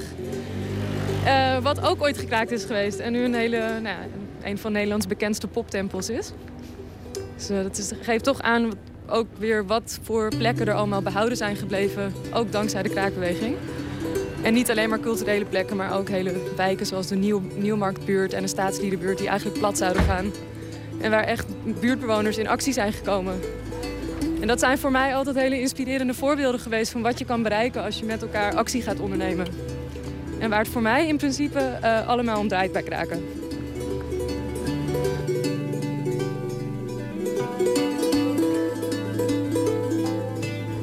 Heb je de krakers, um, omdat je het perspectief van de, van de politie tekent... heb je de krakers dan de iets um, griezeliger geprobeerd te maken bijvoorbeeld? Ja, zeker. Ja. Ja, dat, ik, ik had daar eigenlijk ook echt wel zin in. Want ik dacht, volgens mij is het juist zo leuk om, om zoals de politie bij het krakersperspectief er echt uitziet als een stel varkens, zeg maar... Uh, dacht ik ook van, nou, dat moet, dan moeten de krakers... daar verheugde ik me echt een beetje op. Dat moet, echt, dat moet inderdaad een beetje stereotyperend toch wel zijn. Namelijk uh, een beetje vieze, vieze mensen en honden, zeg maar. Dat gevoel had ik wel. En dan is het juist zo leuk dat als je dan vervolgens verder leest in het krakersperspectief... dan wordt het gelijk gerelativeerd. En dat is, is het interessante van het, uh, van het project, vond ik eigenlijk. Wat ik me afvroeg is, omdat jullie, uh, jullie werken samen aan zoiets... jij doet het krakersperspectief, jij doet het politieperspectief... je bekijkt de hele zaak maar van één kant en daarna moet je alles samenvegen. Leidt dat niet tot een soort ruzie of inzichtverschillen? Of... Ik denk dat het voor mij het moeilijkste was, omdat het voor mij ook persoonlijker is. Dus dat ik bij, echt bij sommige verhalen van de politie zoiets had van... ja, maar dat klopt niet. en, uh, uh, maar ja, dat, dat was het persoonlijke voor mij. En uiteindelijk kwam alles samen aan het eind van het project. En dat was een heel spannend moment. Omdat uh, tot dan toe was iedereen echt met zijn eigen verhaal bezig geweest. En het heeft heel weinig ruzie opgeleverd. Ja, ik heb wel het idee dat we... We hebben het echt uh, gescheiden gehouden. Ik weet niet of dat heel erg bewust is gegaan, maar uh, zo liep het uiteindelijk. Omdat uh, je toch... We werkten echt in koppels, dus iedere researcher had zijn eigen tekenaar. En daar, daar had je dan intensief contact mee. En uh, de rest, dat, daar was je eigenlijk niet zo mee bezig. En ik denk dat het eigenlijk ook wel goed is. Want hoe meer... Ik heb, ja, ik heb me ook echt niet uh, expres extra verdiept in het uh, krakersperspectief of zo. Omdat ik denk juist dat het goed is om je bij jouw verhaal te houden. Dus dat is inderdaad... Het spannende moment was eigenlijk nu. Dat het allemaal achter elkaar staat. En dat je denkt, jeetje, is het nou... Loopt het en, en klopt, het, klopt het eigenlijk? Dat vooral. Het klopt. En het, het slimme daarvan is denk ik ook dat jullie heel erg met verschillende kleuren werken. De politie is blauw bijvoorbeeld, justitie bruinig en de krakers zijn rood. Ja, dat was eh, een van de dingen die we snel al uh, hadden besloten. En ik denk dat uh, Sjoerd ook de vormgever en tekenaar van het juridisch perspectief... die had daar ook al heel snel een idee bij van een bepaalde druktechniek. En, en de herkenbaarheid van, zeg maar, dat je niet alleen maar uitgaat... Dat, want de stijlen zijn heel erg anders van elke tekenaar. Wat volgens mij ook heel goed werkt. Maar om dat ook nog te benadrukken met een, uh, met een kleur... waardoor je gewoon als je het boek openslaat... zie je eigenlijk direct waar je bent. En dat is denk ik, omdat het een best wel complex en uitgebreid verhaal is... Werkt, heeft dat, is dat heel goed uitgekomen. En is het ook heel leuk om die verschillende kleuren... op het moment dat die kleuren dus tegen elkaar botsen... dan weet je dat er iets spannends aan de hand is. Dus dat gebeurt bij uh, ontruimingen en dat soort dingen... kan het opeens gaan botsen. En dat, is, dat, is ook, dat werkt heel goed, dat het ook in de vorm zeg maar, inhoudelijk werkt. Ik denk dat het echt een heel, een heel mooi verhaal is om nog te vertellen. En dat, uh, hoe dat precies is gegaan en hoe zo'n wetsvoorstel tot stand komt. Ook al is er heel veel uh, steun ook voor, uh, voor een bepaalde maatschappelijke beweging. En hoe dat in zijn werk is gegaan en wat dat heeft betekend ook echt voor mensen. Ik denk dat dat een heel mooi verhaal is om te vertellen. En ja, kraken, er wordt nog steeds gekraakt, maar het is echt, het is echt heel erg veranderd. Ja.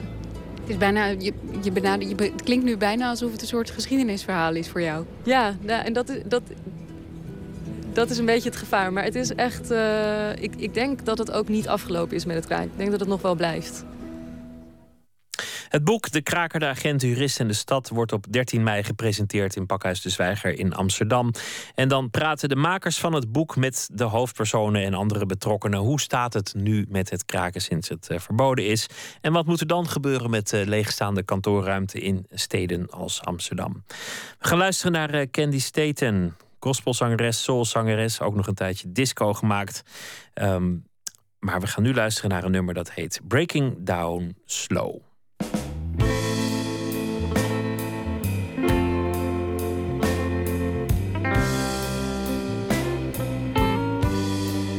Little by little, you're breaking me down. Slowly but surely, you got me turning like a rock in the river, shaped by the flow.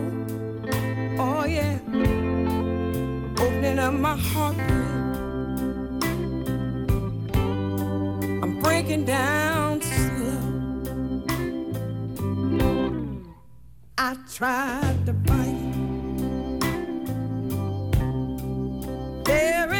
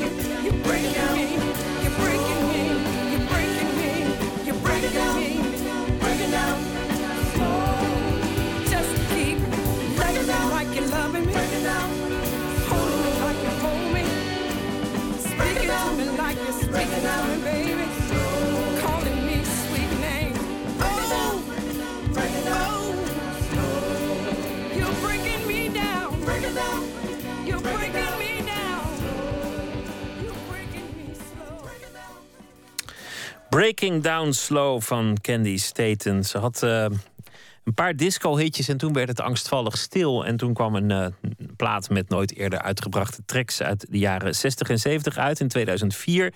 En dat werd zo succesvol dat ze besloot om weer op te gaan nemen. En een van die liedjes die ze toen weer heeft opgenomen, dat was uh, deze. Nooit meer slapen. Deze donderdag en vrijdag vindt in Amsterdam het festival What Design Can Do plaats. Met lezingen, films en andere gebeurtenissen rondom het thema van design in onze huidige samenleving. Richard van der Laken is van de Designpolitie. Goeienacht. Goeienacht. Wat is, wat is dat voor, uh, voor festival, What Design Can Do? Uh, nou, je, je omschreef het in die zin wel goed. Het is een, uh, een conferentie van twee dagen, waarin we allerlei mensen uitnodigen vanuit binnen- en buitenland om naar de stad Schouwburg te komen. Uh, ze geven lezingen en uh, uh, presentaties. En daarnaast hebben we allerlei workshops en, en, andere kleine bijeenkomsten. En de afgelopen week is er in de Bali een, een, filmfestival geweest. Wanneer, wanneer mag iets design heten? Want, want je, hebt, je hebt een mobieltje, je hebt andere gebruiksartikelen. Wanneer heet het design en, en wanneer is het gewoon een mobieltje?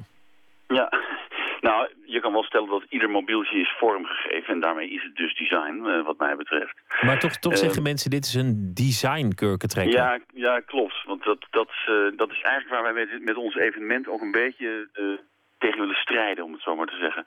Dat design wat ons betreft niet alleen maar esthetiek iets, is, iets, iets moois. Maar dat het eigenlijk over alles gaat wat, ja, zeg maar wat de mens heeft aangeraakt. Als je s ochtends je bed uitkomt, uh, is die alping waar u op hebt geslapen is al vormgegeven. En uh, tube tandpasta is vormgegeven. Als je je broodtrommeltje mee naar school neemt, als je, nou ja, noem het maar op, alles is vormgegeven. En uh, daarmee is design dus eigenlijk een heel belangrijk onderdeel in onze maatschappij. Omdat alles wel door ontwerpers is aangeraakt. Maar als je het, als je het zo zegt, van nou ja, alles wat door mensenhanden is gemaakt... is op een zeker punt ontworpen en dus design... Ja. dan heb je eigenlijk ook een beetje de bom onder de sector gelegd. Want dan is het bijzondere er ook wel vanaf. Nou, nee, helemaal niet. Want ik, we willen juist eigenlijk alleen maar benadrukken dat het een hele belangrijke rol speelt in ons leven. En dat je dat niet altijd ziet. En uh, dat design vaak onder het kopje wordt gegooid van uh, ja, iets leuks en iets moois. Dus uh, iets wat je in een bijlage van de krant vindt of zo. Maar het is een, eigenlijk een heel cruciaal onderdeel in ons, in ons leven. Nou is een, een andere kwestie rondom het designen, het ontwerpen, dat, dat we de ontwerper lijken te overvragen. Iets moet milieuvriendelijk zijn, goedkoop, mooi, zuinig, handzaam, handig, veilig. Eigenlijk, eigenlijk kan je geen probleem in de wereld bedenken of het wordt uiteindelijk teruggebracht tot een ontwerpkwestie. Mm-hmm. Is dat ook iets waar jullie over gaan spreken? Ontwerpers ja, onder zeker. elkaar? Nee, ja, ja, absoluut. Nou, wat voor ons het belangrijkste is, is dat uh, uh, wij focussen echt op de maatschappelijke betekenis van design. Uh, en dan loop je dus ook inderdaad tegen kwesties aan als het milieu. Nee, goed, allerlei maatschappelijke vraagstukken die we in ons dagelijks leven tegenkomen. Het kan ook gaan over de, de, democratie, hoe we met elkaar omgaan. En daar, uh, daar gaat ons evenement over. Dus niet alleen maar over of een product mooi is of lelijk. Democratie, kan je, kan je zelfs dat in een ontwerp vatten? Ja, want ik denk dat uh, nou, als je bijvoorbeeld kijkt naar grafisch ontwerpen... Uh, dat gaat heel erg over communicatie en vrijheid van meningsuiting. dat, dat mag uit, zoals je weet, niet in ieder land. Dus er zijn heel veel grafische ontwerpers, cartoonisten, tekenaars die bijvoorbeeld in landen als China niet kunnen doen wat ze eigenlijk zouden willen doen. Uiteindelijk is, is de illusie die de, de ontwerper heeft... dat hij invloed heeft op hoe zijn artikel gebruikt gaat worden door, door de consument. Je kunt je afvragen of dat wel waar is. Of, of de praktijk niet veel weerbarstiger blijkt... En, en de consument niet uiteindelijk een heel andere toepassing bedenkt... voor al dat moois dat de ontwerper bedacht heeft. Ja, heb je, dat, dat, daar kan ik alleen maar op zeggen dat je helemaal gelijk hebt. Uiteraard hebben heel veel ontwerpers allerlei ideeën hoe, hoe ze hun producten vormgeven en wat voor effect dat heeft op uh, de gebruiker. Maar uiteindelijk bepaalt de gebruiker natuurlijk hoe die dat product gebruikt. Maar dan komen we terug bij die vorige kwestie. Want de, vraag aan de ontwerper is: maak iets dat goed is voor het milieu, voor de democratie, voor de veiligheid, voor het uh, ethisch besef, voor, voor de ja. gezondheid. Ga ze maar door. Maar daar kan je heel lang over nadenken als ontwerper. Maar hoe moet je dat doen als je uiteindelijk geen macht hebt over de gebruiker? Nee, nou, daar heb, je een, daar heb je een interessant punt. Ik denk dat je als ontwerper ook altijd te maken hebt met de producent. Dus je, maakt, eh, je, je ontwikkelt een product en daar heb je altijd een producent voor nodig die dat vervolgens weer gaat maken. En de gebruiker, de consument. En die, binnen die driehoek werk je altijd als ontwerper. Dus je staat in die zin ook nooit alleen. Je bent altijd wel een onderdeel van een proces. en daar moeten die drie partijen goed in samenwerken. Het gaat altijd om afwegingen tussen partijen, maar ook tussen, tussen idealen en, en tussen belangen. Is, is dat niet de onmogelijke opdracht voor jou als designer? En, en hoe doe je dat goed? Al die tegengestelde belangen, goedkoop versus milieuvriendelijk, of uh, veilig versus uh, mooi, handig en handzaam, om die allemaal te verenigen. Hoe vind je het optimum? Ja, nou, ik denk dat je daar wel een goede vraag stelt. Ik denk dat dat ook een, een, hele, hele moeilijke vraag is. Je kan natuurlijk uh, een product zo goedkoop mogelijk maken. Maar daar, daarmee maak je natuurlijk niet per se een goed product. En een goed product is heel vaak juist ook weer een wat een duurder product. hè. Dus bijvoorbeeld een milieuvriendelijk product is 9 van de 10 keer wel uh, kostbaarder. En voor een ontwerper is het natuurlijk altijd de uitdaging om daar de, ja, de goede middenweg uh, te vinden. Want het moet ook een commercieel aantrekkelijk product zijn. Dus ik, ben met je eens dat, dat, dat daar zit altijd een spanningsveld in. Stof genoeg om het over te hebben. Uh, ik kondigde jou aan als zijnde lid van de designpolitie. Wat, wat is de designpolitie en wat doen die? Ja, de designpolitie is een uh, grafisch ontwerpbureau.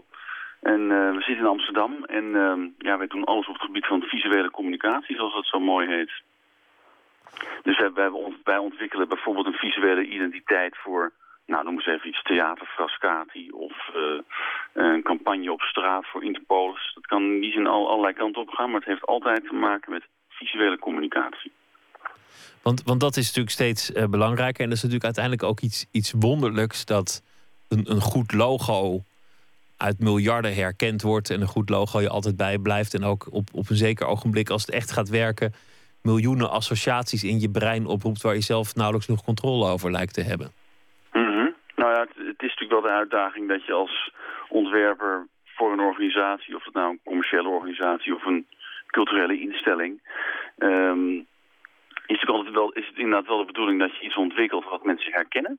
En waar ze een uh, associatie mee hebben die klopt bij de organisatie zelf. Dus uh, aan jou de taak als ontwerper om dat enigszins te sturen. Is ook dat niet een onmogelijke opdracht eigenlijk? Nou, denk ik niet. Ik, ik, begrijp wat je wilt zeggen, hoor. Van dat, dat, de, eh, de, dat misschien de een bij de kleur rood nou helemaal een andere associatie heeft dan de ander bij de kleur rood. Um, maar ik, ik, ik, denk dat je als ontwerper wel, wel uh, daar wel heel duidelijke sturing aan kan brengen. Er zijn toch wel regels en wetten die werken waardoor mensen nou eenmaal blij worden van een, een ronde vorm of, of, of de kleur rood. Ja, daar ben ik van overtuigd is het alleen wel heel erg cultureel bepaald. Hè? Want hier in, in het Westen heeft, heeft bijvoorbeeld de kleur roze een hele andere connotatie dan in een land als India. In, in, in, uh, in het Westen heeft dat associaties met, nou ik noem maar even iets, bijvoorbeeld de gay scene. En in India uh, is, uh, is roze ongeveer het, het navy blue waar, waar, waar bijna iedereen in loopt. Dus dat Juist. heeft een hele andere associatie globalisering uh, maakt het ook nog extra moeilijk. Als je veel weet van design en er dagelijks mee bezig bent en er veel op let, maakt dat je dag uiteindelijk mooier of, of vervelender? Want loop jij vooral tegen lelijke dingen aan op straat of uh, verwonder je juist over de schoonheid van veel ontwerpen? Ja, dat is wel grappig dat je dat vraagt.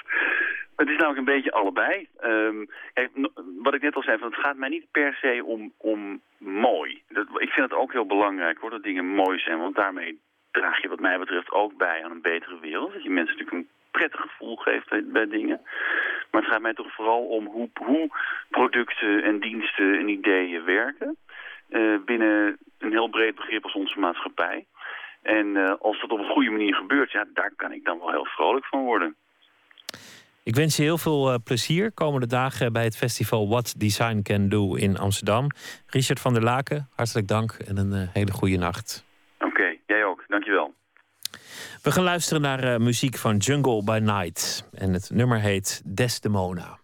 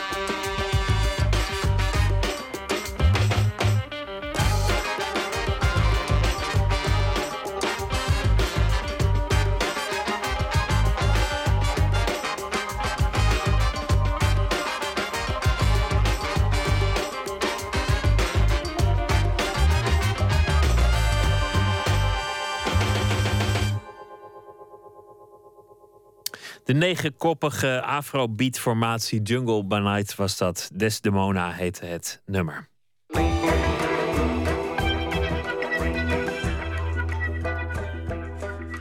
U luistert naar de VPRO op Radio 1. De kunsthalkade in Amersfoort is verhuisd naar een nieuwe plek. Afgelopen weekende werd die geopend. Met de tentoonstelling Vensters, samengesteld door kunstenaar Mark Mulders. We hebben onze verslaggever erop afgestuurd, Gijsbert van der Wal. En hij kreeg al daar een rondleiding door de directeur van Kade, Robert Roos.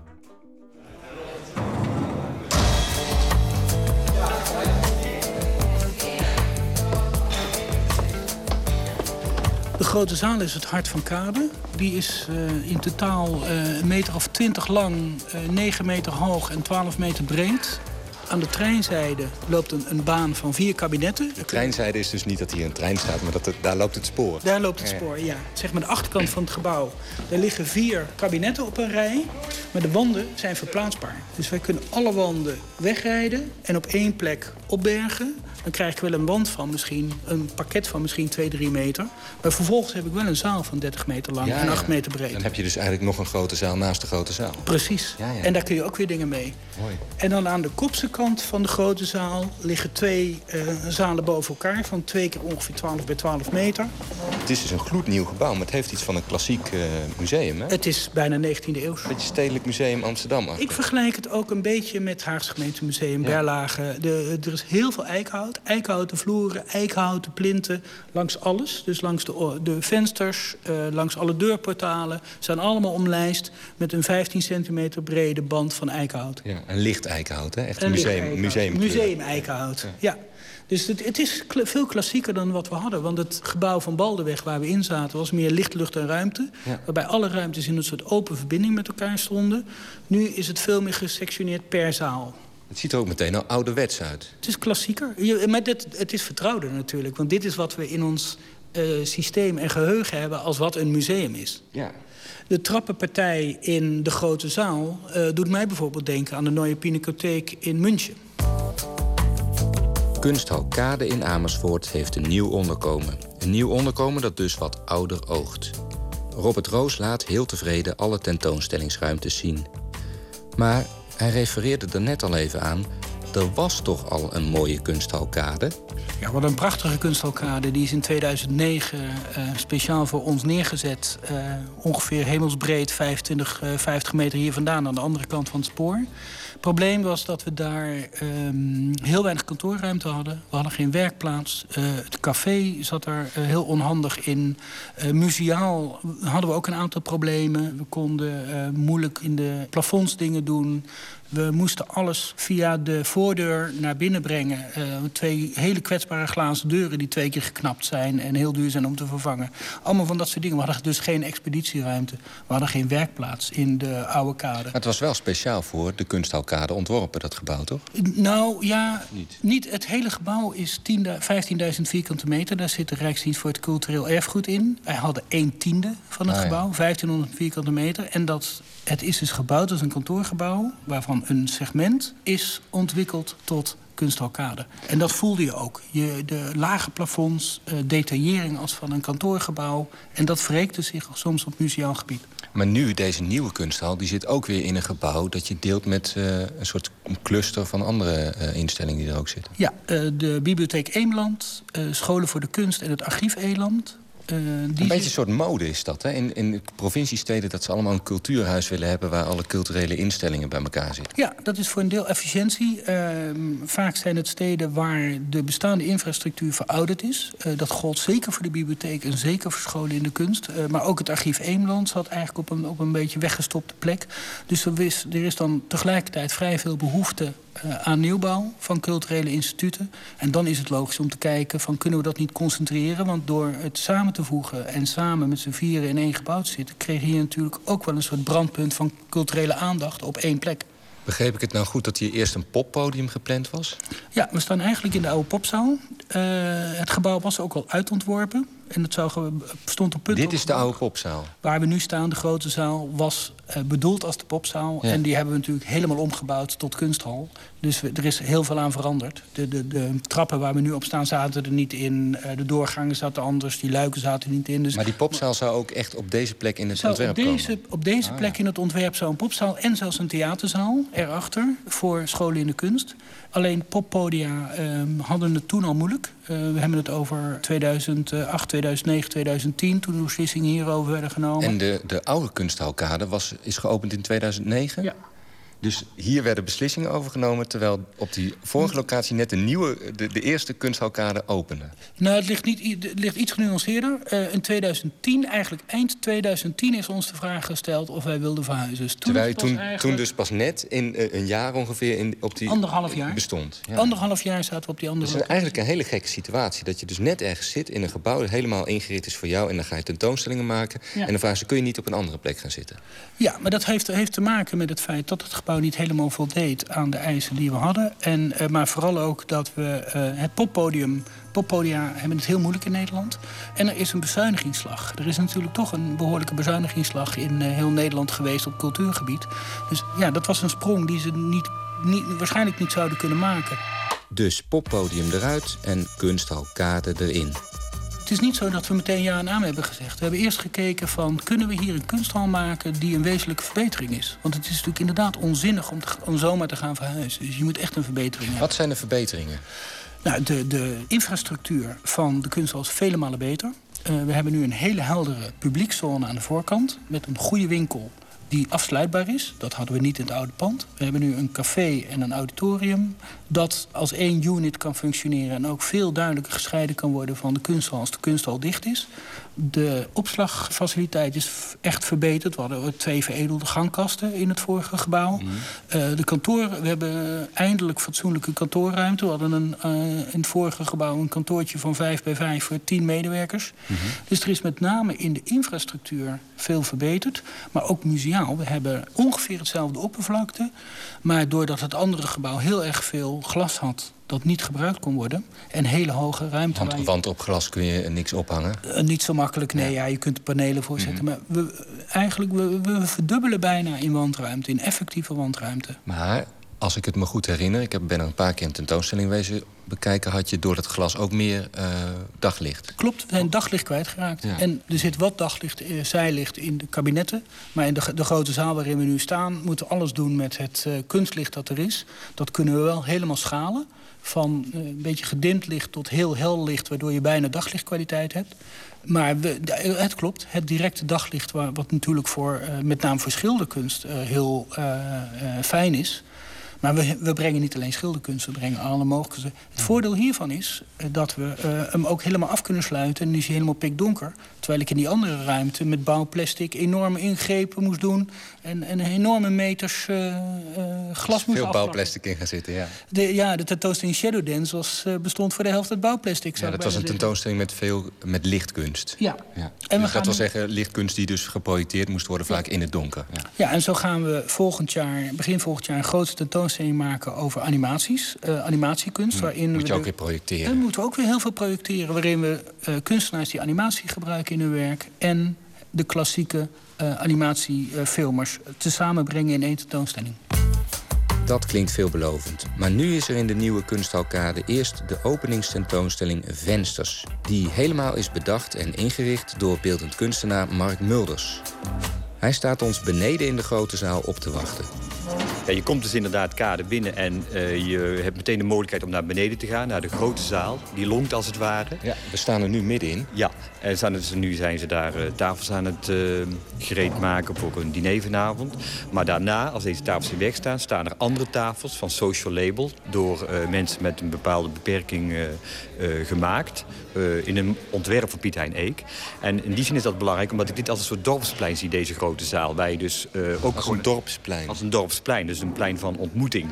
En aan de, de randen van het plein, zeker in de mooie pleinen in Italië... is er altijd natuurlijk een belangrijke kathedraal of kerk... met al zijn schoonheid van de façade.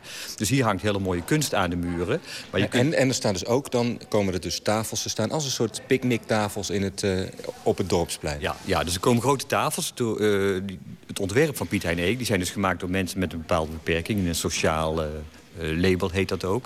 En dat vind ik in die zin ook belangrijk... omdat ik in deze expositie allerlei kunstenaars wil laten ontmoeten. Uh, met de toeschouwer. Dus er zijn uh, kunstenaars klassiek modern, beroemd maar overleden. Er zijn uh, kunstenaars hip en actueel, in, in, een belangrijke rol in, de, in het actueel kunstklimaat. Er zijn kunstenaars inderdaad met een bepaalde beperking... In een, die in een sociaal label hun werk doen. Ja, dat zijn de, de, de, de mensen die de tafels maken. De mensen die de tafels die maken. beschouw je dus ook als kunstenaars? Ja, die beschouw ik ook als kunstenaars. Okay. Ik werk ook met kunstenaars met verstandelijke beperking... Met, van Atelier Artenzo in Tilburg. Daar maak ik al jarenlang stillevens voor. Dat zijn, je kunt zeggen, zwaar autisten en die ook begeleid wonen. Dus niet uh, helemaal in de vrijheid in de maatschappij. Dat betekent dus ook, uh, zeg maar, beroemde professionele ja. schilders en uh, nou, geen profs.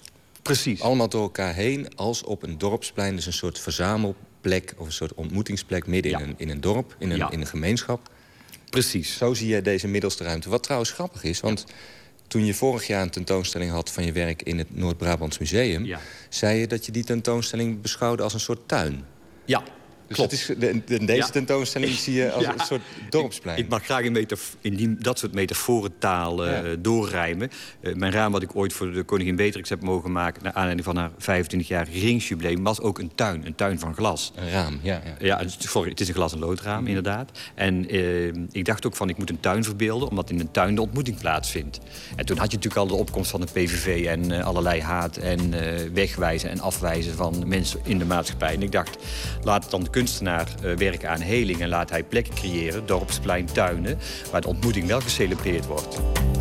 De tentoonstelling als ontmoetingsplaats dus. Voor het werk van Mark Mulders zelf en dat van 23 schilders, beeldhouwers en fotografen die hij interessant vindt. Eh, ik geloof gewoon in het feestje bouwen. En of het nou Bram van der Velde is, een klassiek moderne kunstenaar... of iemand die net van een jaar van de academie is, of die autist... het gaat om, het, eh, om de waarachtigheid van de ontmoeting. Zo staat er een lange tafel vol met uitgedroogde dode beestjes van de kunstenaar Cousijn van Leeuwen. Ze zien eruit als fossielen of zo, of iets gemummificeerds. Maar als je beter kijkt, blijken ze bij elkaar geknutseld te zijn uit schillen van sinaasappels, meloenen, enkele banaan. Die schillenbeesten van Cousijn van Leeuwen hebben wel wat te maken met de beestjes die Mark Mulders zelf op zijn aquarellen en glazen schalen schildert. Geen wonder dus dat hij zich met Van Leeuwen verwant voelt. Ja, nou, en de meeste kunstenaars doen toch echt wel iets wat ik absoluut niet kan. Bij de kunstenaars zoals Ronald Zuurmond en Anna Forrest en Volker Huller... daar is het toch wel eh, dat ze een heel geheimzinnig, macaber feestje kunnen bouwen in olieverf op hun doeken. Wat een beetje gothic, een beetje horror is, maar wat ook ontzettend aangenaam is om te zien. Nou, zo'n toneel kan ik helemaal niet schilderen. Ik kan alleen maar abstract schilderen. Maar als ik dan naar de abstracte schilders kijk... zoals Fiona eh, McKay en eh, Evie Vingeling... en ehm, de gebroeders van Velde, maar ook een Schoonover... dan ben ik in de goede zin van het woord jaloers... op de enorme verfijnde harmonie die ze kunnen creëren. Met, met heel weinig kunnen ze een, een zinderende eh, voorstelling... horizon tegenlicht oproepen. Nou, daar ben ik nog naar op zoek. Dus ik, ik heb nog wel even gelukkig. Maar dat vind ik heel inspirerend voor mij ook weer. Dus het is ook heel stiekem eigenlijk een expositie met een dubbel, dubbele kant en een dubbele missie. Want ik heb natuurlijk ook eh, hele mooie mensen om me heen verzameld, mooie kunstwerken, waar ik zelf heel veel aan heb. Heel inspirerend voor mij is de komende weken, maanden, komend jaar. Jij komt hier nog heel vaak eh, kijk, de kunst afkijken. Ik kom de kunst afkijken en ik neem hem morgen al mee in mijn atelier. En met name de... Dus je omring- omringt je ook eh, graag met kunstenaars die dingen maken beter die jij... zijn. Die beter zijn, ja? Ja. Ja, dat, dat meen ik echt. Beter zijn dan Ja, jezelf. en dat klinkt misschien... En dan zal een ander weer zeggen... oh ja, maar je bent ook wel goed, Mark. Ja, dat, nee, ik meen het wel, ja. Z- Of die nou van, laten we dan zeggen, niet al te vals bescheiden... maar die nou voor Ja. andere dingen doen Ja. dan jij, die Ja. jij ook wel zou willen ja, kunnen. is natuurlijk, ik snap dat het een beetje gek is om te zeggen. En ik meen het wel, maar dat, daar heeft Ja, eigenlijk niemand... daar nee, dat doet, heeft niemand iets aan. Maar het zijn inderdaad, wat je zegt, kunstenaars... die wel eh, enorm eh, bijzonderheid hebben gecreëerd... waar ik blijkbaar ook naar op zoek ben, al jarenlang. En ik ben ook van heel veel materie en verf... naar een veel meer zinderend, lucide oppervlak aan verf. Dus logisch dat ik een Fiona McKay en Evie Vingeling eh, geweldig vind. Eh, en, en zij hebben natuurlijk een ander verleden. Zij beginnen nu al in een jong... In, in, in het begin van hun carrière met prachtige zinderende doeken. Ja, ik ben heel blij dat ik me mag laten inspireren door eh, zulke grote jonkies. Al dus beeldend kunstenaar Mark Mulders en directeur Robert Roos over de nieuwe kunstalkade te Amersfoort. Een bijdrage van Gijsbert van der Wal was dat. En de openingstentoonstelling is al daar nog te zien tot en met 31 augustus. Morgen dan uh, komt Nooit meer slapen vanaf het uh, Vlaams Filmfestival in Utrecht. En daar praten wij over uh, de Belgische film en wat die allemaal te bieden hebben. En hoe dat staat met de uitwisseling tussen de cinema in Nederland en België. Met gesprekken met regisseurs en anderen al daar. Zometeen op deze zender de nacht van Jolen met Francisco van Jolen. En ik wens u een hele goede nacht. Morgen een leuke dag en graag tot dan.